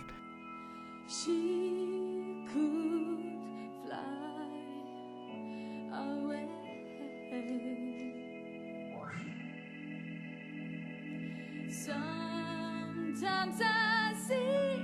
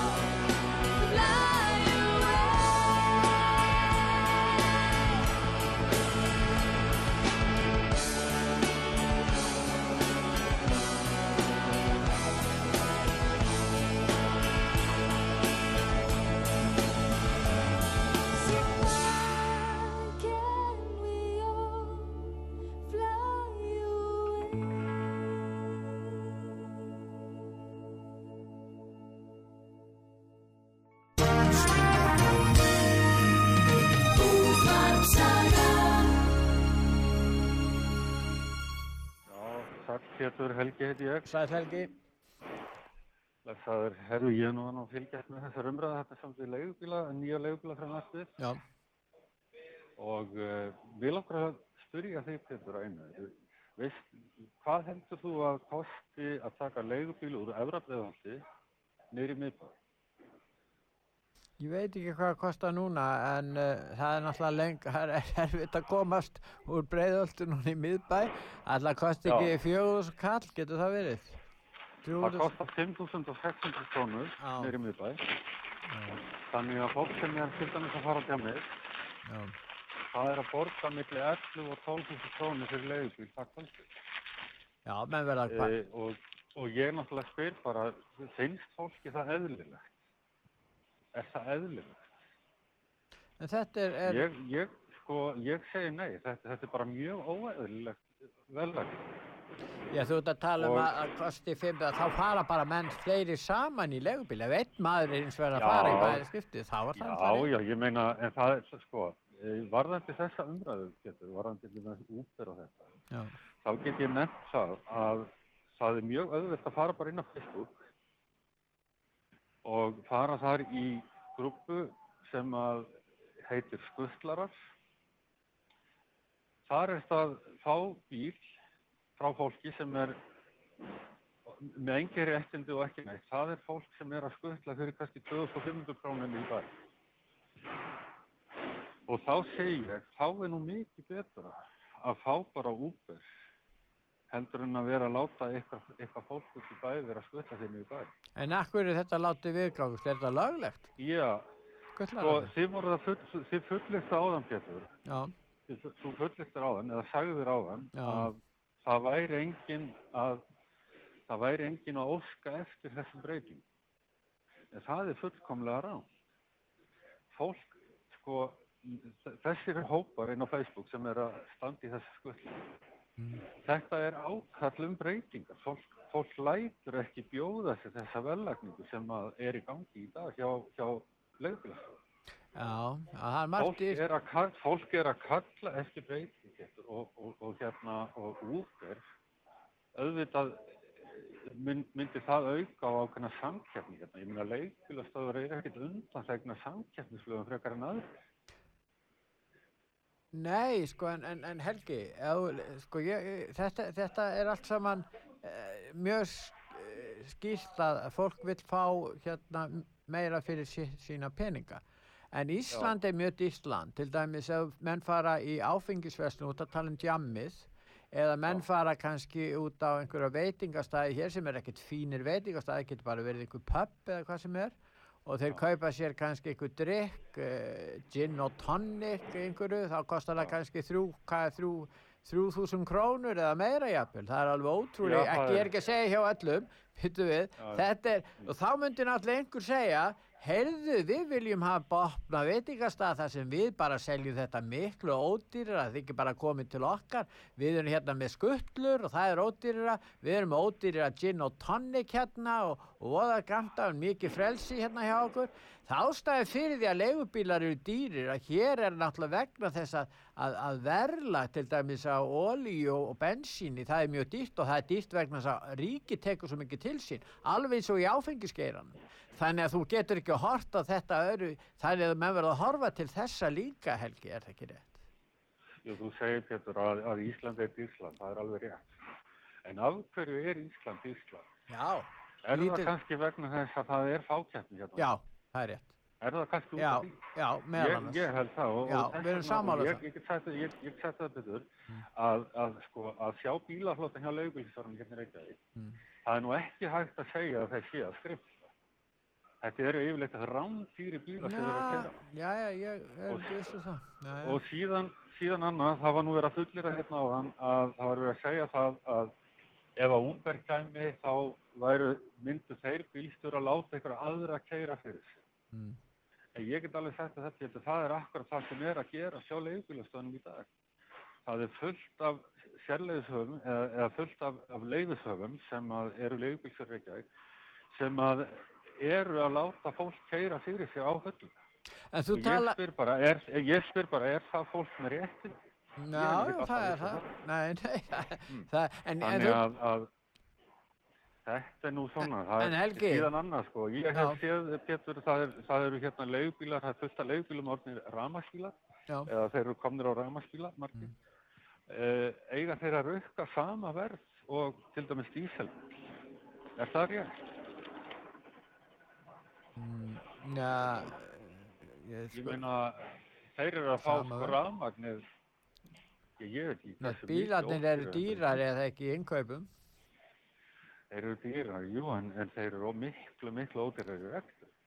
Já, já, já. Það er bara að rukka bara fullt gjald hvort sem það er rafmagnsbíl eða díselbíl. Já, er- en, en varðandi að það sé dýrt að taka leigubíl hérna og til breiðoltið og, og fleira, fleiri staði þar sem það er langt á milli að ég höll eins og verið í Noregi hef komið þangað og leigubílstjórar leigugjaldið eh, að- að hérna, borga fyrir leigubíl í, í Oslo er miklu, Já. miklu dýrar heldur en á, í- á Íslandi gerur þú grein fyrir Já, ég, hef komið til Oslo líka og ég hef tekið leigubíl þar.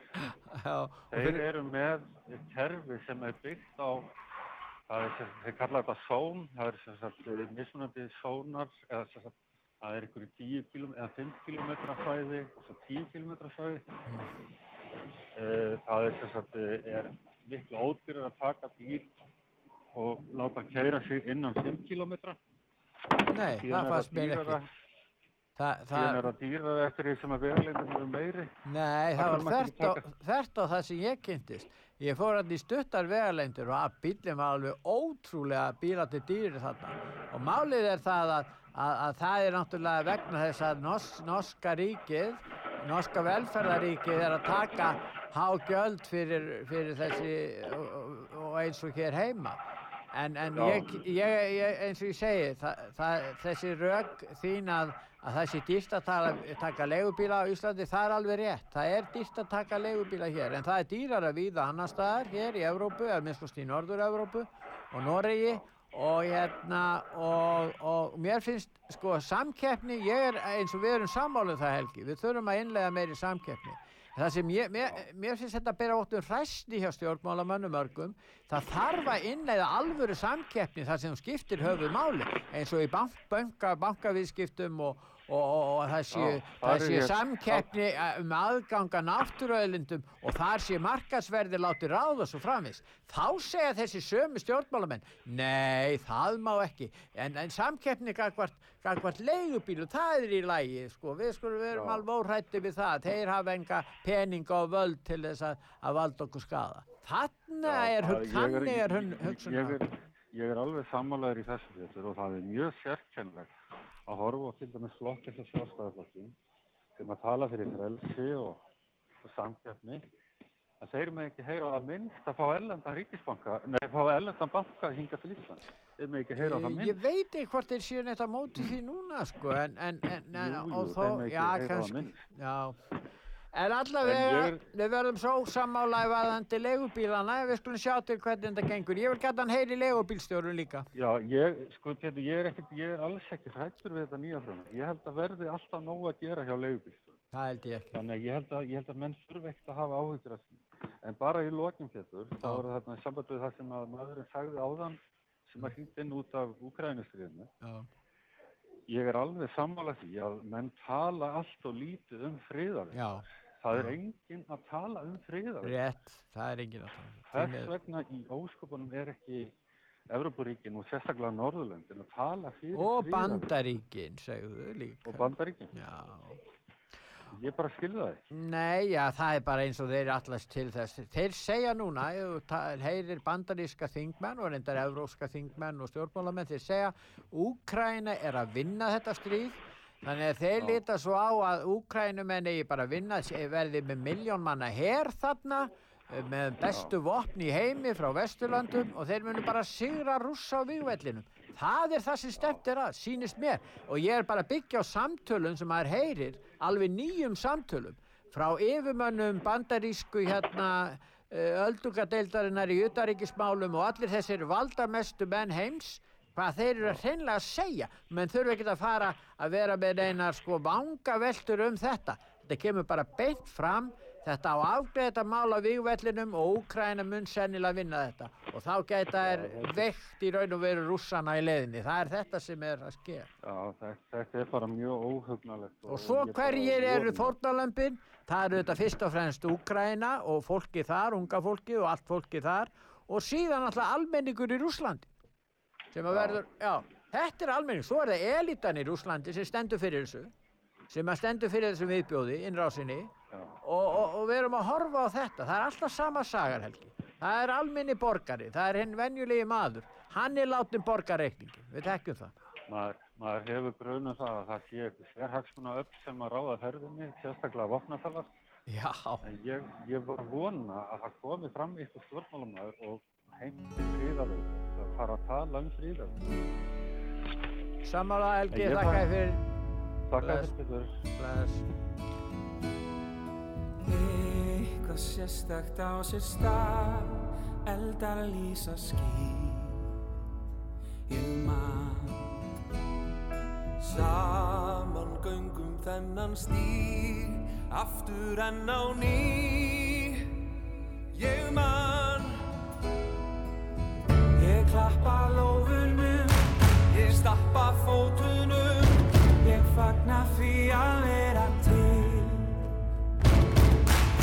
Ég klappa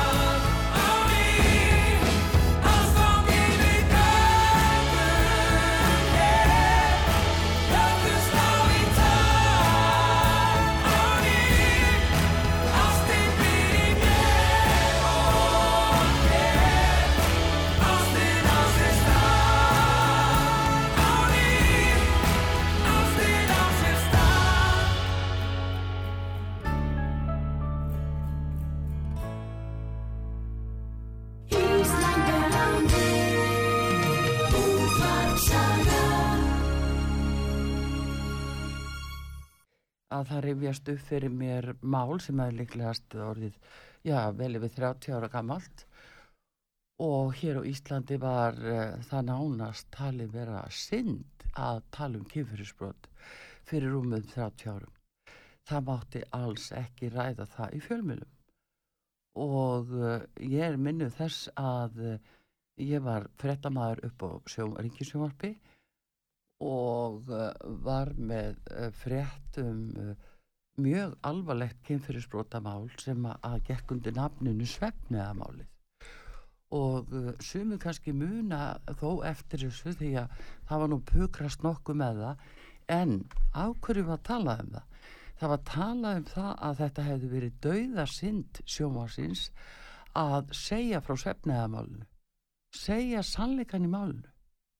Það mátt ekki og uh, það væri nú full ástæða hreinlega til að byrta þessa frétt aftur og, og byrta þetta til þess að bera það sama við hvernig já, hlutinir eru þó í dag.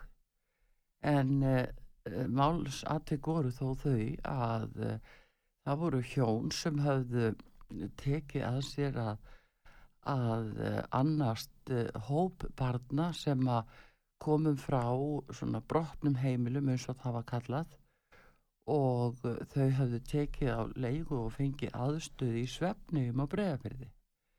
Þar voru þau með fjöldan allan af börnum og fóru raunverulega með foreldravald yfir þessu börnum.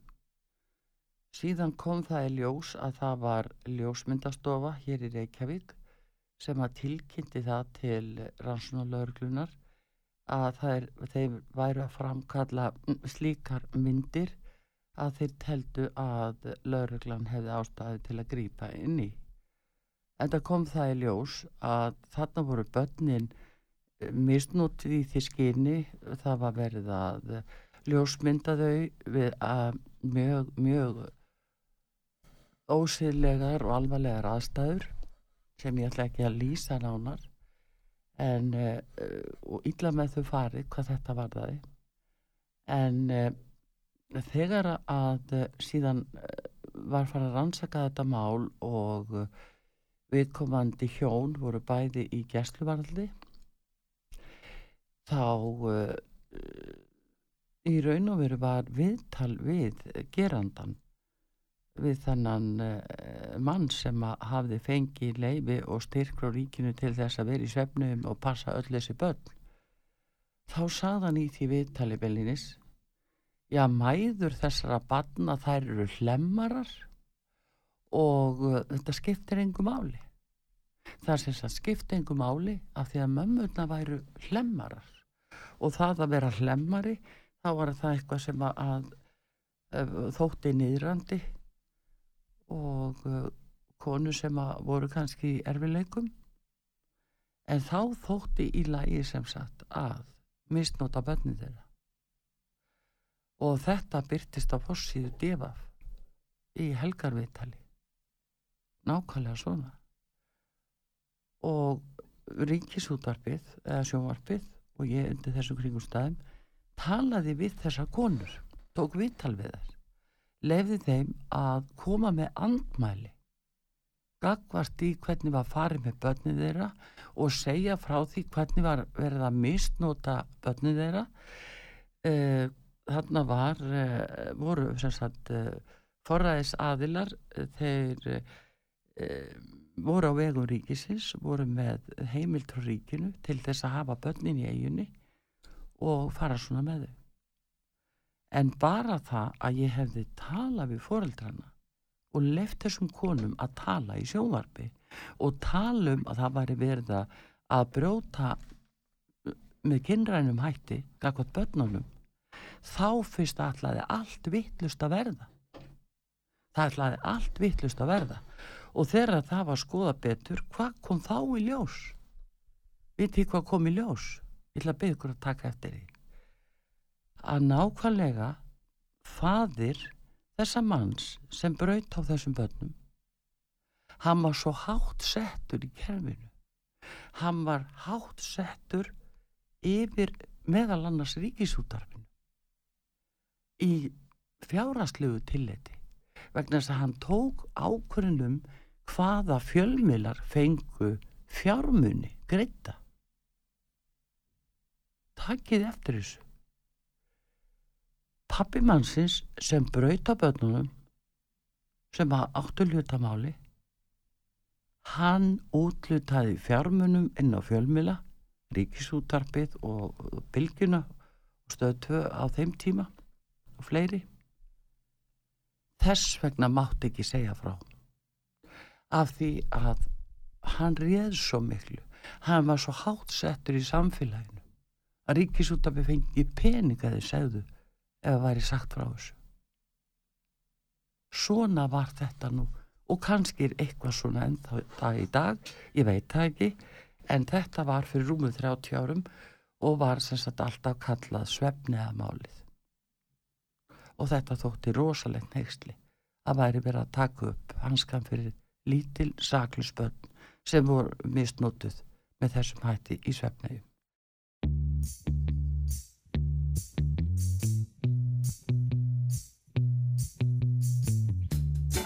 What you drinking? Rum or whiskey? Now won't you have a double with me?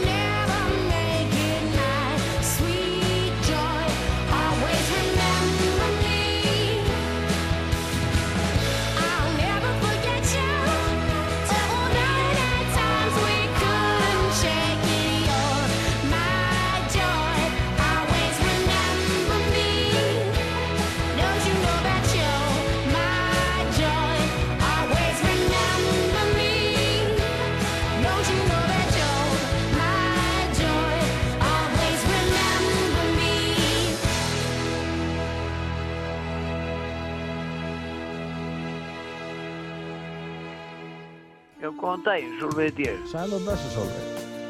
Blessaður. Ég ætla nú að ná í hana, hérna, konuna, konuna þarna sem er að vinna. Já. Þú ert að hlusta á þarna? það helsta sem var til umræðu í um símatímum svefn, stöðvarinnar í þessari viku.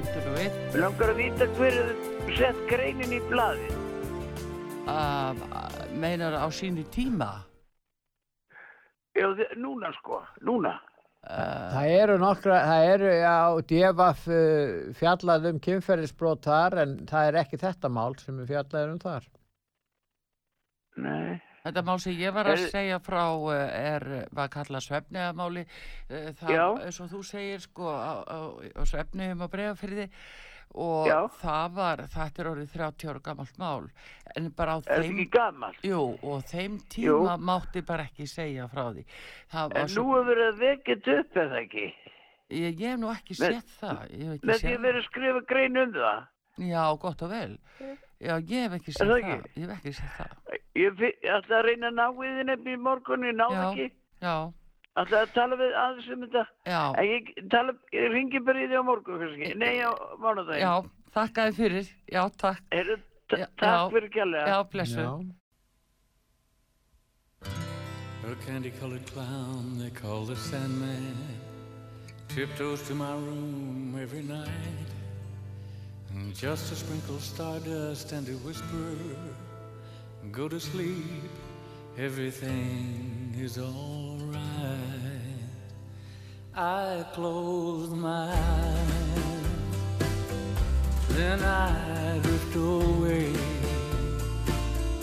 into the magic night. I softly say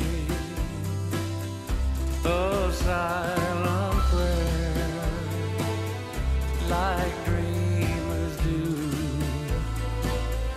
Then I fall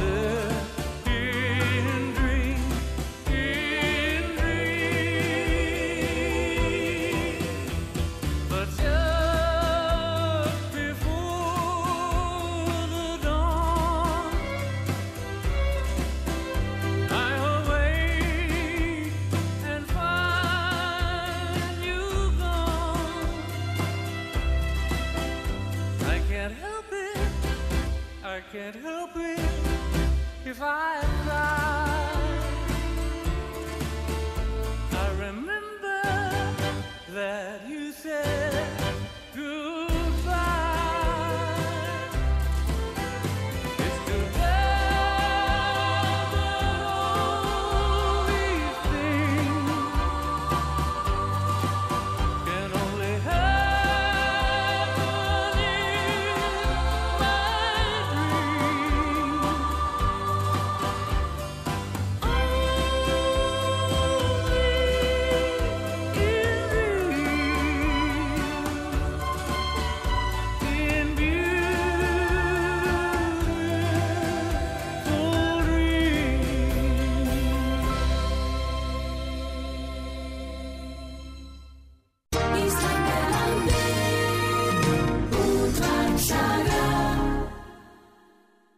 góðan daginn. Góðan dag.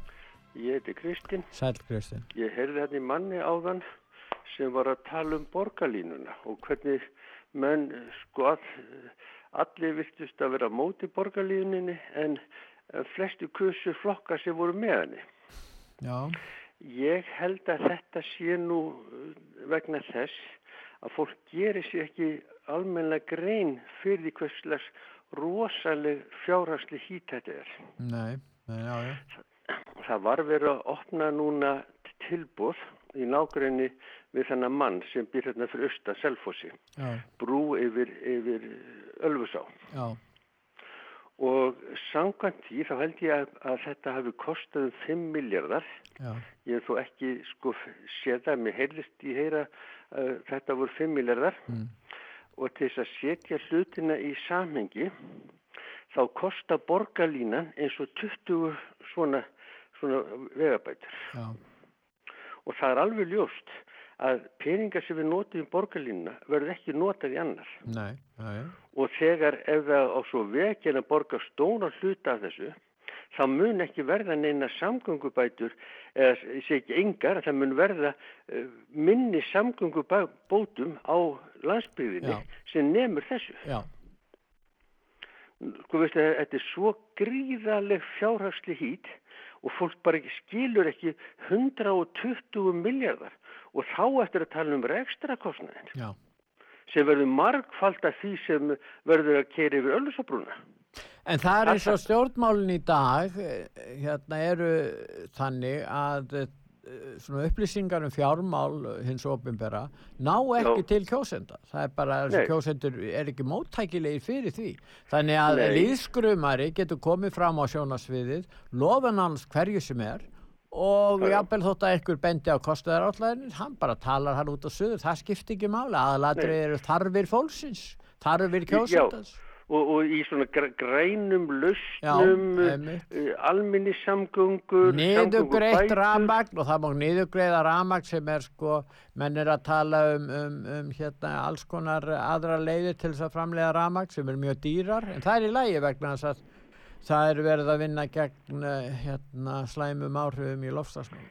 Heyrðu, ekki að segja eitt, ég fann skýrslu veðgerðina sem orðin nokkuð gömul. Já, Hún var um að byggja misla gatnamót á miklubrautinni. já, Það er að segja við hérna kringl, kringlmýrabraut, uh, háalitisbraut og bústafi. Þegar skýrsla var gerð þá var kosta þetta allt saman um 11 miljardar. Miða við velæta er þetta 25 miljardar. Kanski væri komið þarna líka gatnabóndi við bústafi. Hugsaður það að það er að gera fjóru sinnum þetta, fjóru sinnum misla gatnamót á allir í miklubröðinni fyrir það sem borgarlínan kostar sem þjónar nánast engum. Hugsaðu hvað slags fjárastætt hara kýri þetta er. En ef ráðist er í svona framkvæmdir, svona mannvirki, ef þau gefa þetta af sér og skila hagna eða skila í raun og þess tilbaka mjög fljótlega eins og sundabraut gerir. Sundabraut er Já. svona gott dæmi um það, hvað, um hagkvæma ha, samgöngu áallun og mannvirki. En þá er ekki farið út í það. Nei, nei, nei, það er náttúrulega má alls ekki sko. Nei, ég Já. af hverju, af hverju er umræðan á þessu stíi? Ja, það? sko, það stafa náttúrulega því að meiri hluti borgarstjórnar var bara algjörlega móti engabílum. Algjörlega bara, þetta var sjúklegt hatur og þráhyggja að vera móti engabílum. Ekki, það, það, það er ekki heil brú í þessu. Þetta vel allir mikillir mengun, töfum og hugsaður það að það var eh, hérna Tesla bíl sem lendi í óheppi hérna á Vestlarsveginum vaka, eh, nei það var va krókur, þeir voru tvo tíma að komast að bílnum vegna umferða tafa sem hann olli, að því hann stoppaði. Hvernig heldur þetta sé ef sjúkrabílið þarf að fara þetta? Eða slökkuliðis? Tala ekki um slökkulið sem, sem er nú sko ekki inn í smá trukka sem fara nú ekkert yfir gangstéttar og svoleiðis. En þeir ganga út frá því að meiri umferð þýðir óhjákvæmilega meiri mengun. Það er það sem þeir Já, hugsa þetta já, þannig. já, þeir gera það, en ekki það að fólki sé að drolla á, á hægum sko hraða, býðandi á ljósum, taka á stað. Nei, þá má ekki tala um engun. Þetta er alveg sjúklegt hatur gegn engabílnum og það er alveg makalust eins og hann sagði þessi innringjandi að sá flokku sem einharðast barðist gegn þessu, hann skildi þurkast út. Mm, Já, en uh, Já. við Íslandingar vilja, eh, flest, flestar fjölskyldar eru, eru, fjölskyldur eru með bifreið, en enga Já. síður náðu þessi áróður hefur gert síðustu 12 Já. árin, hann hefur náði gegn, þannig að, að margir sem að vilja hafa bíla og kannski eru með tvo bíla, ég man ég talaði veit mikinn harðan umhverfisvenda sinna af með tvo bíla heima hjá sér og ég Já, já. spurði hann að því hvort hann ætti ekki bara að vera með einn, nei þá var hann bara móðgæðu skilur. Ég Já, það er, eh, þetta sko- er einhvers konar trúarbræðar viðþór, ég veit ekki hvað að Já, kalla. sko, veistu það, það er alveg sama hvað þetta fólk segir. Bílum mun fjölga og það eru fjórar ástæðu fyrir því að bílum er fjölga. Fyrsta lagi. Gerfugreindin er alltaf að gera framleysluferli bílana sjálfvirkara, mannsöndi kemur nærri, minna nærri því og þeir verða þessna ódýrar í framleyslu. Tvö. krónan er að styrkjast og er sennilega að verða mjög sterk vegna þess- vegna þess að hér er mikill uppgangur í atvinnlífinu. Bæði ál, sjávorútvör, svo talum ekki um túrismin sem er aftur að fara algjörlega úr böndunum. Já. Og ekki nóg með það að, að Ísland er að verða eitt áhugaverðasta túristaland í heimi að tveimur ástæðum.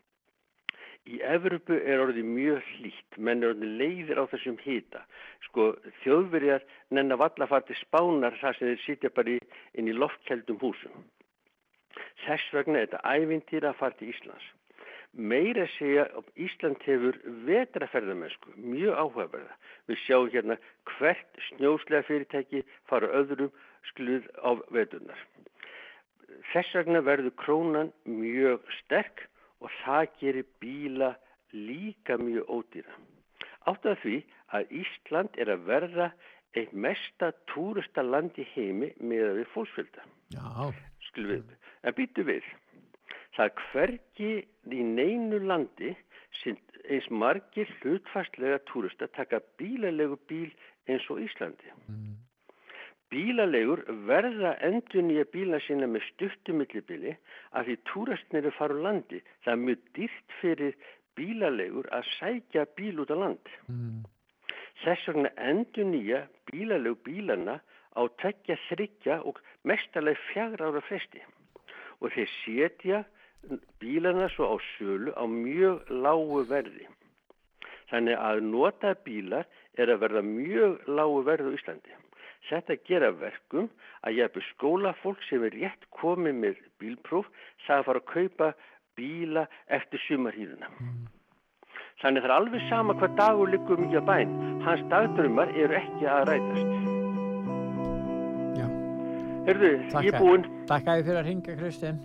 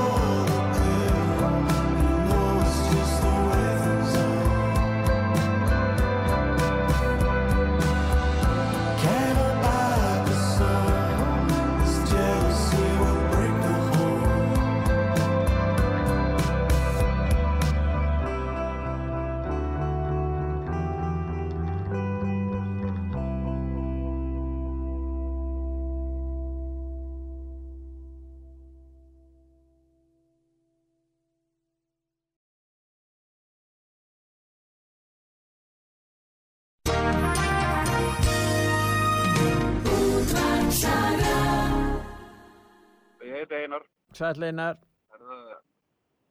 Það er leigubíla frumvarpið. já, gjörðu svo vel. Ég var náttúrulega í þessu nefnd og, og sá þetta frumvarp með einu augum og, og rökrauti það mikið að, að það, hérna, það gæti ekki, gæti ekki verið eh, eh, grundvöldu fyrir því sem þið voru að ræða að áðan. Já, Að verðið myndi lækkað. já, Að ein, að einu leiti getur verðið lækkað.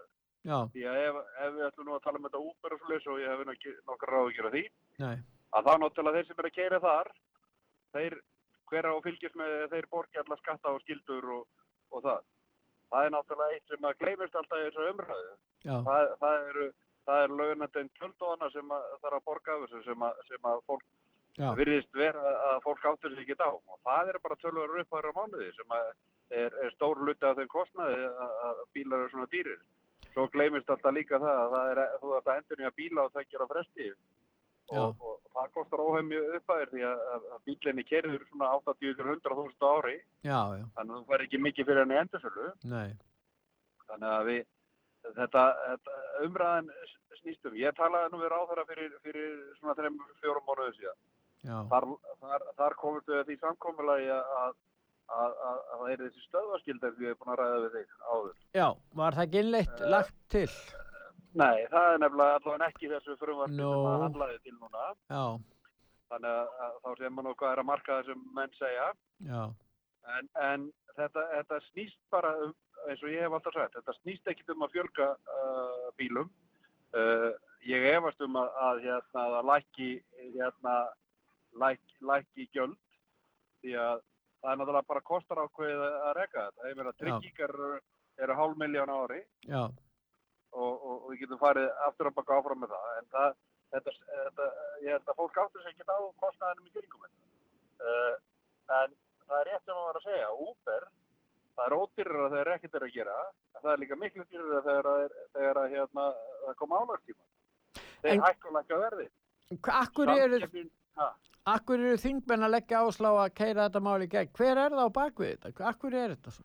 veistu það ég maður vil náttúrulega ekki segja nema að vita það en, en það er rosalega förðulegt samt að, að þegar, að- þegar að hérna alltaf þegar þetta kemur í umræði í, í, í sjóarfallaguna að þá, þá hérna er þann oftast hann í parka sem að, sem að hérna er að, er ræða það þar já, og, og þá kemur alltaf vinst, koma alltaf viðreist eh, og talar líka. Já, þau eru nú í sömu byggingu reyndar eins og ég sagði að við þau þau eru nú í sömu byggingu sem með skrifstofur. Já, hvort að það tengist, það veit ég ekki en, en þú veist, maður, maður veit það ekki. Þetta er, þetta er eitthvað þrýstingu frá einhverjum en málega það að eins og ég er marga búin að segja, ef það verður ekki stöðaskild á þessu, Já. sem ég skil ekki því að ef að Uber kemur þá þurfum þeir að segja stöðalegi já, uh, ef að, ef að, ef að hérna parkjallar á þetta, þá verður hann ekki stöðalegi því hann er þriði aðali já, uh, ég hef það eftir áraðum heimundum ef þú ferði í einu parka þá taka það 10%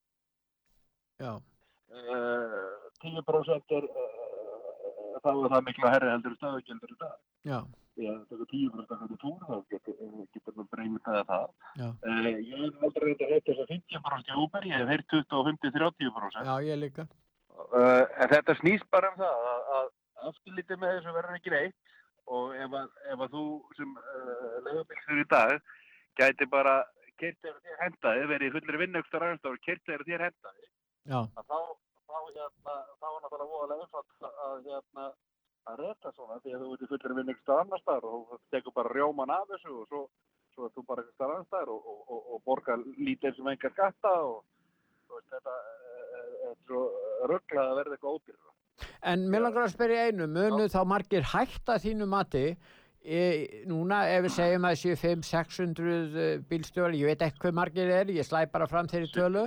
E, hver margir áttu von, áttu vona því að margir hætti vegna þess að ef, það- ef þessi leið verður farin og ymsir taka að sér að hafa þetta í aukavinn og svo framvegis að þá verður þetta ekki lífanlegt eins og staðan er. Nei, það, það, það er nákvæmlega það sem ég hef verið að benda á er það að, að í dag er skilda að, að hafa þetta sem aðalstarf, það verður ekki þessu frumvarpi. Nei, og hver á að sinna þeirri vinnu sem að er ekki um helgar, það er, þetta er nú aðal út af því að fólk þarf að býða til bílum um helgar sem Já. að er nú verið að leggja þetta til meðal annars.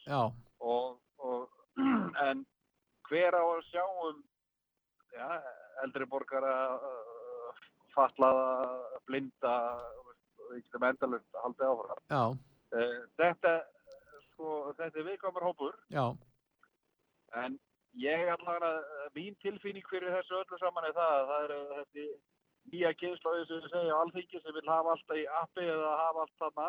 já, En ég, ég get alveg sagt það, það er alveg sama hvar þetta hefur verið gert. Svíjar eru nú að bakka með þetta og, og Danir eru með stöðuskildu og, og Normin eru að reyna að bakka út úr þessu því að, því að það fópa allt í rúk. já, Það hækkaði verðið, það lækkaði ekki. Og, og, og þegar þú ert með einhvern sem að þarf ekki, sem er ekki, ekki með stöðu á baka sig að neitt, hva, hvað ætlar að, að gera? En- ef þú ert ofrökkaður eða, ef eitthvað kemur upp á þetta, snýst bara um öryggi, nummer 1 og 3, kom með þrjúður spíla þetta, mér er anskotað saman það og flestum. En það er aðalega það að þessi stöðaskilda hangi inni. já, Ef hún hangir ekki inni, þá er þetta bara viltavestrið og engir ræðið við já, og, og hérna, það verður gaman að, að, sjá þá þegar, þeir eru búin að gefa þetta frjáls. Hvað, hvað mikið af þessu fólki eh, Hvað með öryggi farþega ef það er engin Það hérna? skiptir einkumáli. Nei, ég spyr þig, hvað segir þú Já, um öryggi?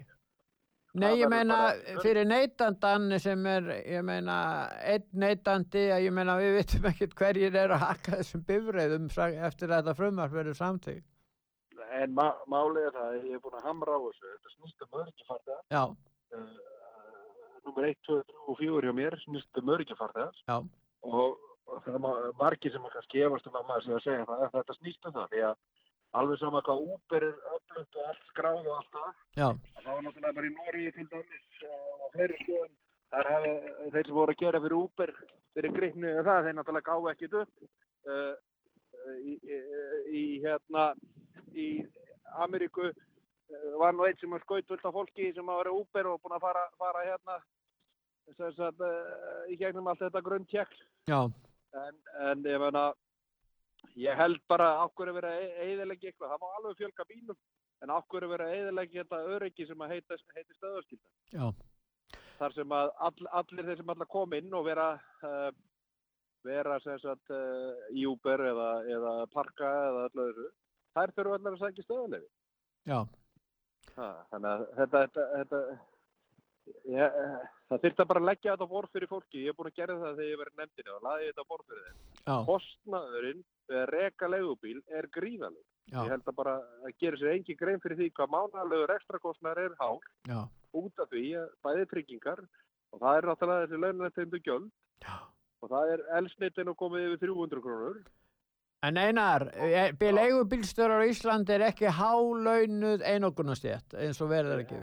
Já, Þú má benda, nei, þú má benda mér á, á þann leigubílstöru sem er ríkur. já, þeir voru, þeir á- voru það hérna í gamla daga, jafnvel, en ekki í dag. Nei, En svo annað sem kemur aldrei fram. Af hverju var þetta sett á, þetta kerfi sem er í dag? Já, það var nákvæmlega út af því að það var svo mikið harki og, og, og, og ruggli í, í áður og, og það- var alls konar djöfusins viðbjöður sem, sem uh, trefst. já, einmitt. Þess vegna var þetta sett á. já, Þannig, að- en það verður ekki döðvöld að taka þetta af og hver á að fylgjast með þessu? Hver á að fylgjast með þeim sem er að keira í bænum? það er ekki gerir að vísa til löglan, löglan hefur nóg á sinni könnum. Já, þegar hún getur ekki fylgst með þessu í dag, þannig að hvernig Nei. getur hún fylgst með þessu þetta voruð svona miklu stærra? Rétt. En ég vildi bara benda það á að þetta snýst ekki um það einhverja fjölgun bíla eins og það er alltaf verið að tala um að við séum að gráta það. Þetta snýst bara um öryggi farþegars og hafa þessa stöðuskildi inni, það er eina sem við báðum um og, og, og mér sýnist ráð þeirra alltaf að svíkja það. Þakka þið fyrir að ringja einar. Ekki máli, takk innlega.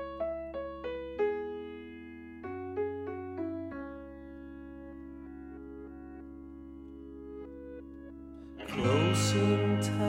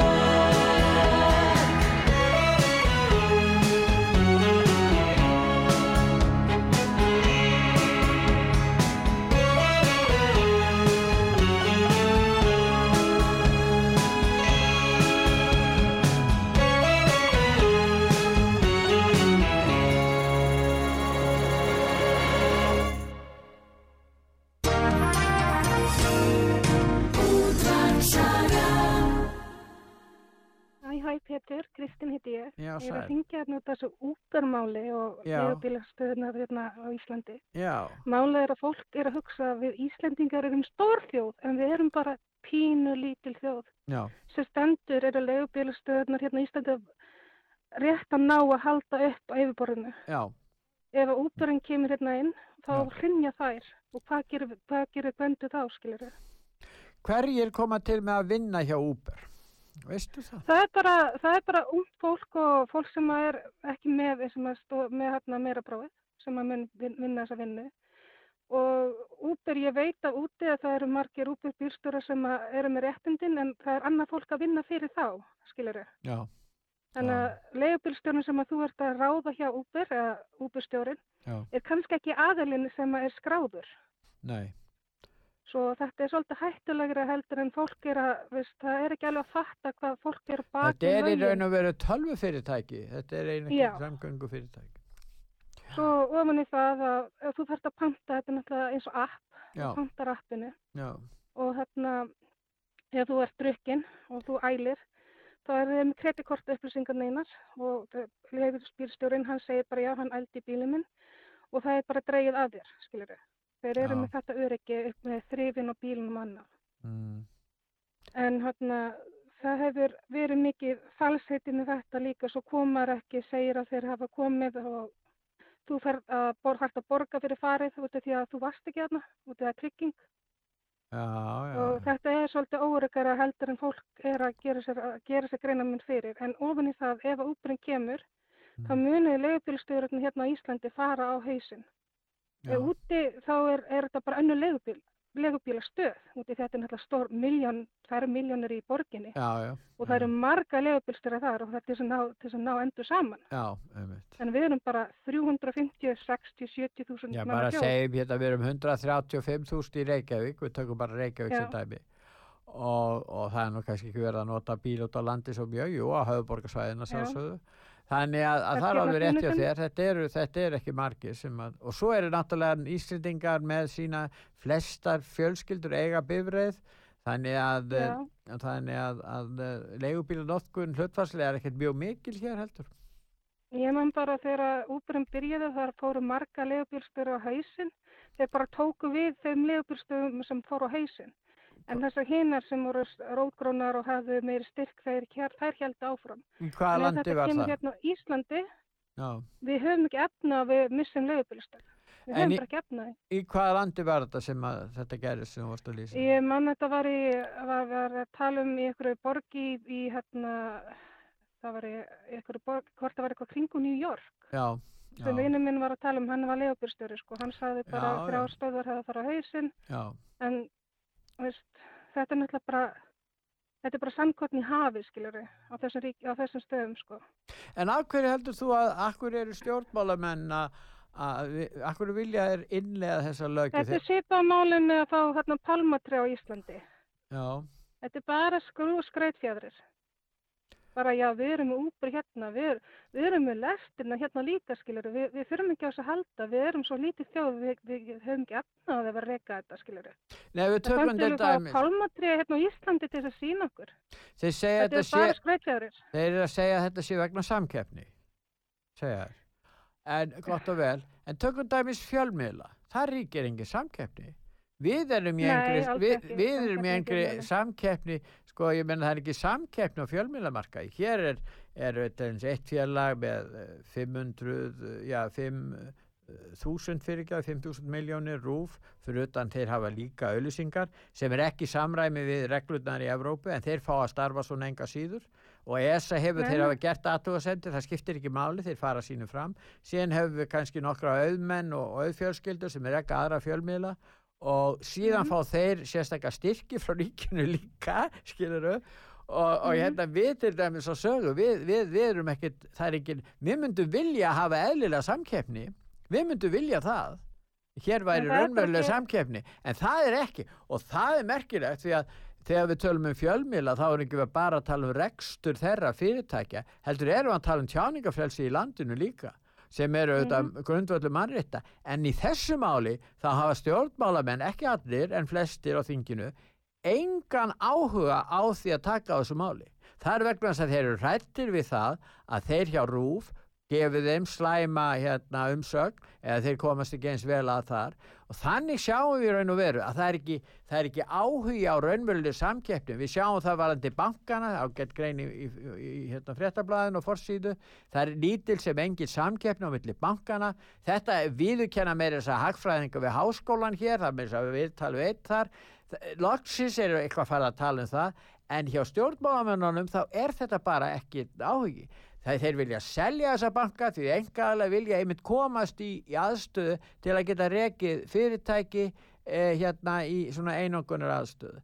Þetta er íslenska samfélagi okkar og síðan eiga leigubílstjórar þegar þeir eru og, hérna er búin að byggja sig upp þá segja menn já þarna kostar farið hvað 2500 það gæti farið nýr í 1700 og þetta er svo mikla samkeppni sem við ætlum að berjast við. En þetta er svo óhagsynt með að við hagkerfi á Íslandi. Já, Það er ramdýrt að reka bíla, ramdýrt að keira. Þeir eru raun að sagt, eh, okkar íslensku legubílstjórar, að reka legubílsina á lágmarki. já, þetta er rétt. Já. Og það er bara, við, ef að þeir myndi ráða, þeir myndi hafa örgla 3500 sterkjaldistæði Já. 2500 skilur. Bara þess að þúsu kall myndi bjarga miklu Já, upp, á, upp á viðhaldi og þetta hérna skilur þetta, þeir eru ekki að liggja hérna á okkur brauðhleifi hérna og með, með, með sultu skilur þeir eru liggja á bara þurru brauði bara fangitisbrauði, þeir réttu yfir fyrir vikjörunni og réttu yfir til þess að vera rétt fyrir ofan lámarka heima hérna, lámarka hérna leina, leina dæmi sko. Þeir eru ekki hérna hæstu toppanum eins og þessi stjórnmálamenn sko sem hafa reynir sagt enga, enga hugmynd um hvernig er að vera að lifa á Íslandi á lámarsleinum sko. En það er svo miklu hræsni ríkjandi hjá mörgum stjórnmálamönnum. Þeir þykjast Mhm. vera bóðberar og fylgismenn samkeppni. Þeir eru það ekki Já. almennt séð. það Nei, er svo af og frá. Allt í enn í þessu máli hafa þeir gerst það. Ég skil það ekki.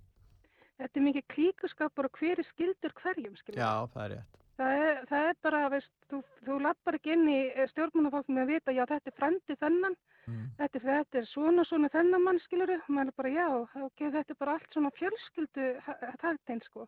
Svo er Já. þetta teinti fyrirtækin líka, veist, það er, þeir eru að prómota einhverju sinni þennan mannskilur sem að er bara allir bara, veist, þetta er sem að segir, það er ekki, það er einhver maður sem er hérna með brúðustrengina sko alltaf bak við, bak við allt saman hvað maður gís, skilur, eins og var að tala um dag Já, þó að einhver annar flokkur myndi vinna og einhver annar maður kemur hérna, þannig setur dagur hérna með brúðustæringina og er að stjórna bakvið. já. Þannig að af hverju er fólk ekki kjósa út því að það er enga breytingar, það er alltaf sömu mennirnir hérna á bakvið sem er að stjórna öllu. Það er nýtt fólk- andlit, ný rödd, búið. En fólk er er að gera sér grein fyrir þessu sem þú ert að lýsa smám saman.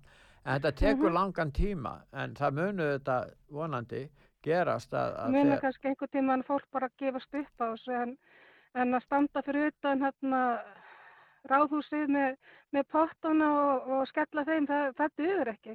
Nei. Úti það er bara, fólk bara stoppa heilu, heilu, heilu umfyrðarnar, skilur. Já. Reykjanes, ef að Reykjanesbreyt myndi vera stoppa bara til þess að, að stoppa, til þess að kvart undan bensinverðin hérna á Íslandi. En mannstu eftir því... að, það myndi, þá myndi vera eitthvað gert. Í við, það er gerðist, bara- það gerðist 2008 þá gerðu lögurubílstjóranir og býttu hvað gerðist þá?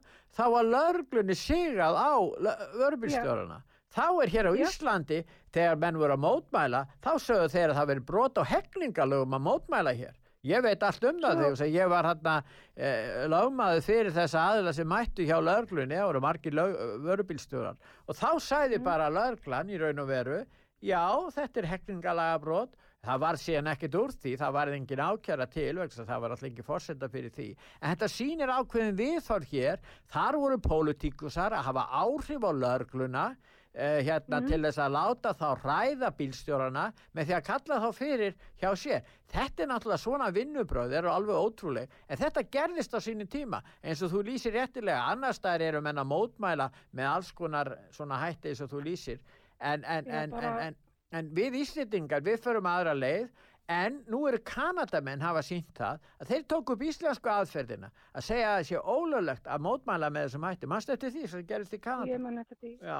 Þannig að við Íslendingar erum kannski fyrirmynda þessum einokunar og fákeppnisöflum sem að og stjórnlinda fólki sem vill að vilja- stjórna þessu. vilja taka okkur til myndar með þetta út af því að við erum svo Já. fylgja, ég kalla það sögkindur.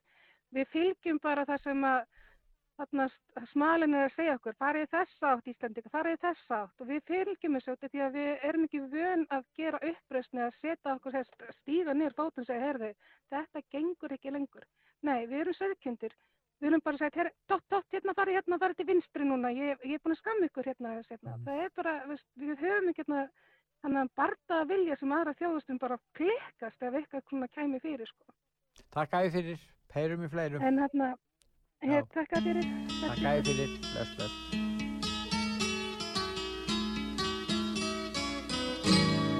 All the leaves are brown.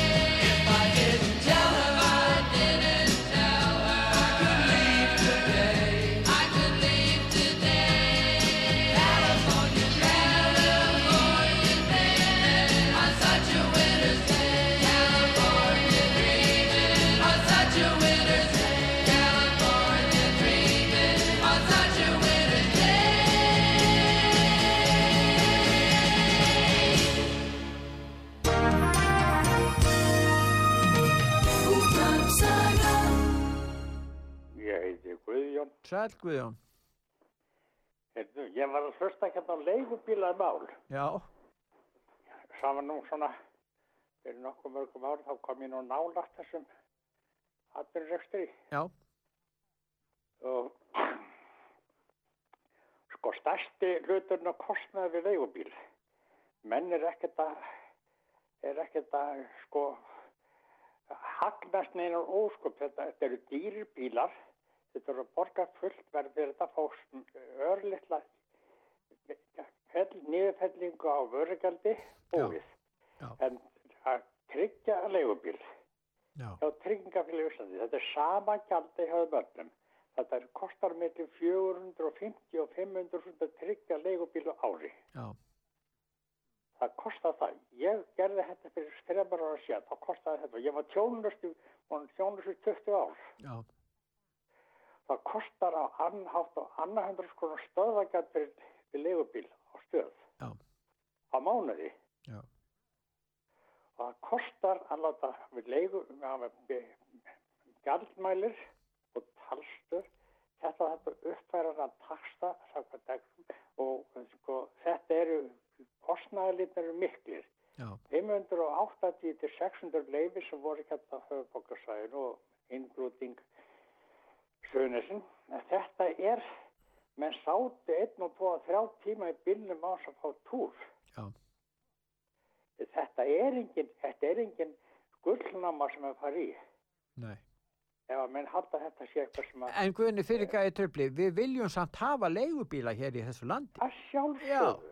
Já, já. En eh, ég hef sagt, ég sagði á sínum tíma, því ég var áður, áður en ég fór kom nála þessu, þá var ég nú í rekstri Já, og það var stjórna stærri faratækjum en það nú er saga. já, Mér fannst og finnst að það sé eins og í einu landi sem ég þekki svolítið til að þar voru leigubílar á kostnaverði til stöðana, til bíl, bíla, bíla, bílstjórnarna já, og þeir voru fengu endugreitan virðisokkarskatt en gjaldi var með virðisokkarskatti.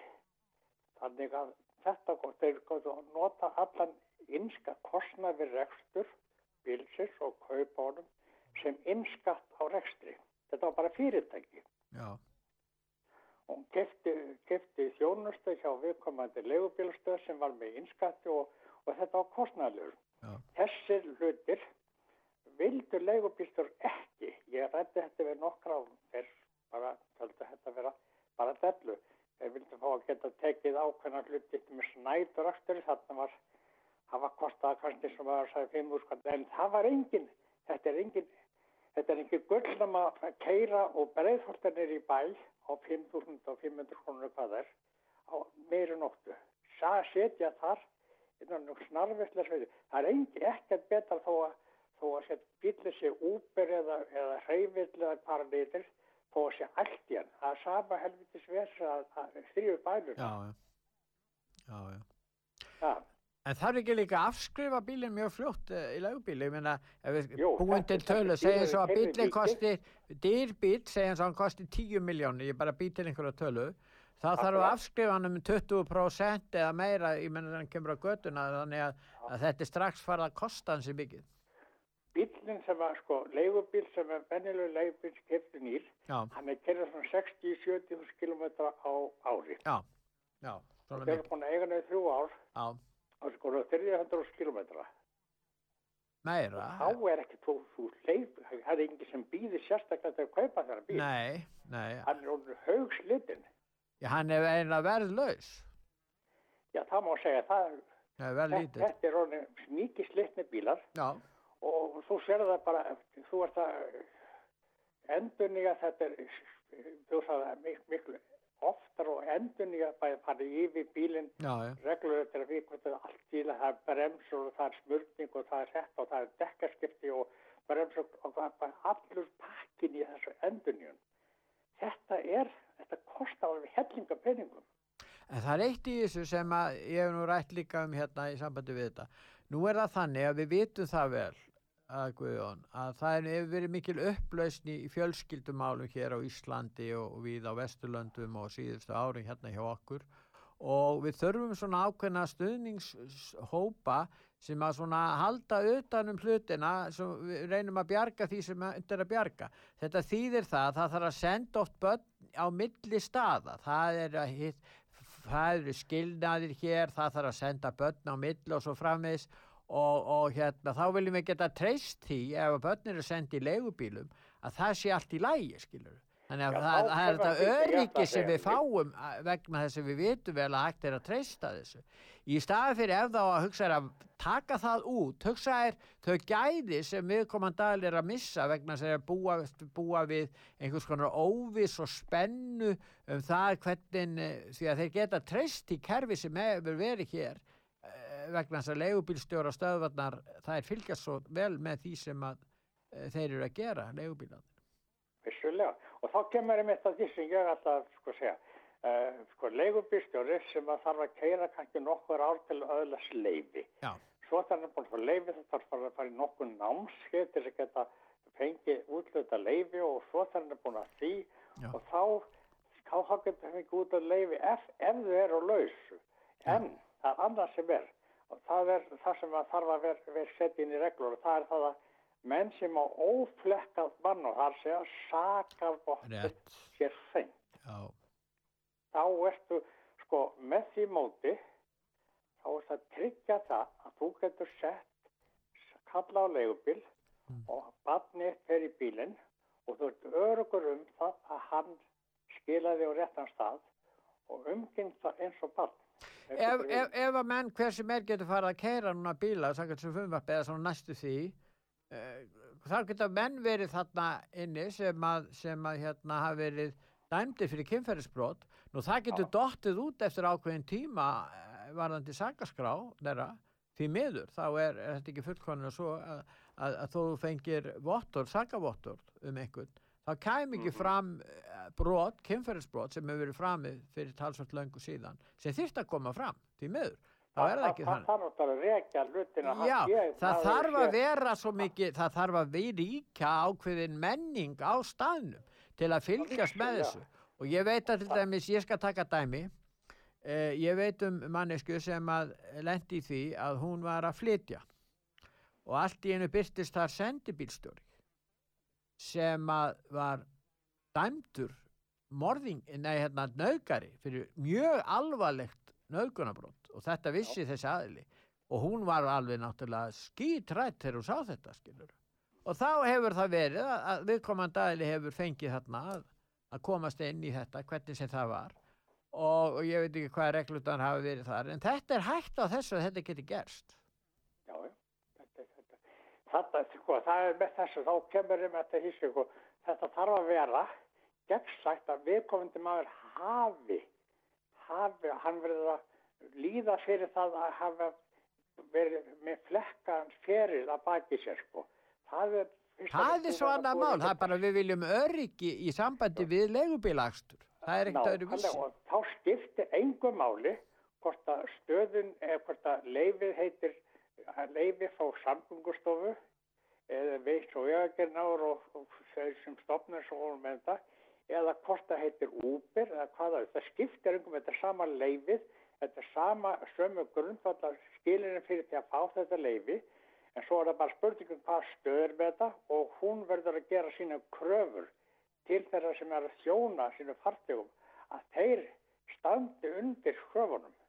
Það er það sem skiptir máli og er náttúrulega fyrst og fremst að það að til þess að leigubílstjóri geti lifað af þessu á þess að vera að vinna kannski ja, allt upp í sólarhenga að þá þarf að vera þannig að að, að, að, að þetta skal sér rekstra hvort að hann lækki. Og það er engungu gert með því að þú fái bílinn og getur á hann vörugjaldsfrían eins og var hérna í eina tíð þar sem að var niðurfelling gjalda og svo getur nýtt innskattin bæði á bílnum og eins reksturinn. Þannig að þú getur lækka, þetta lækka kostnaðin við takstan um cirka 30% bara miðað þetta.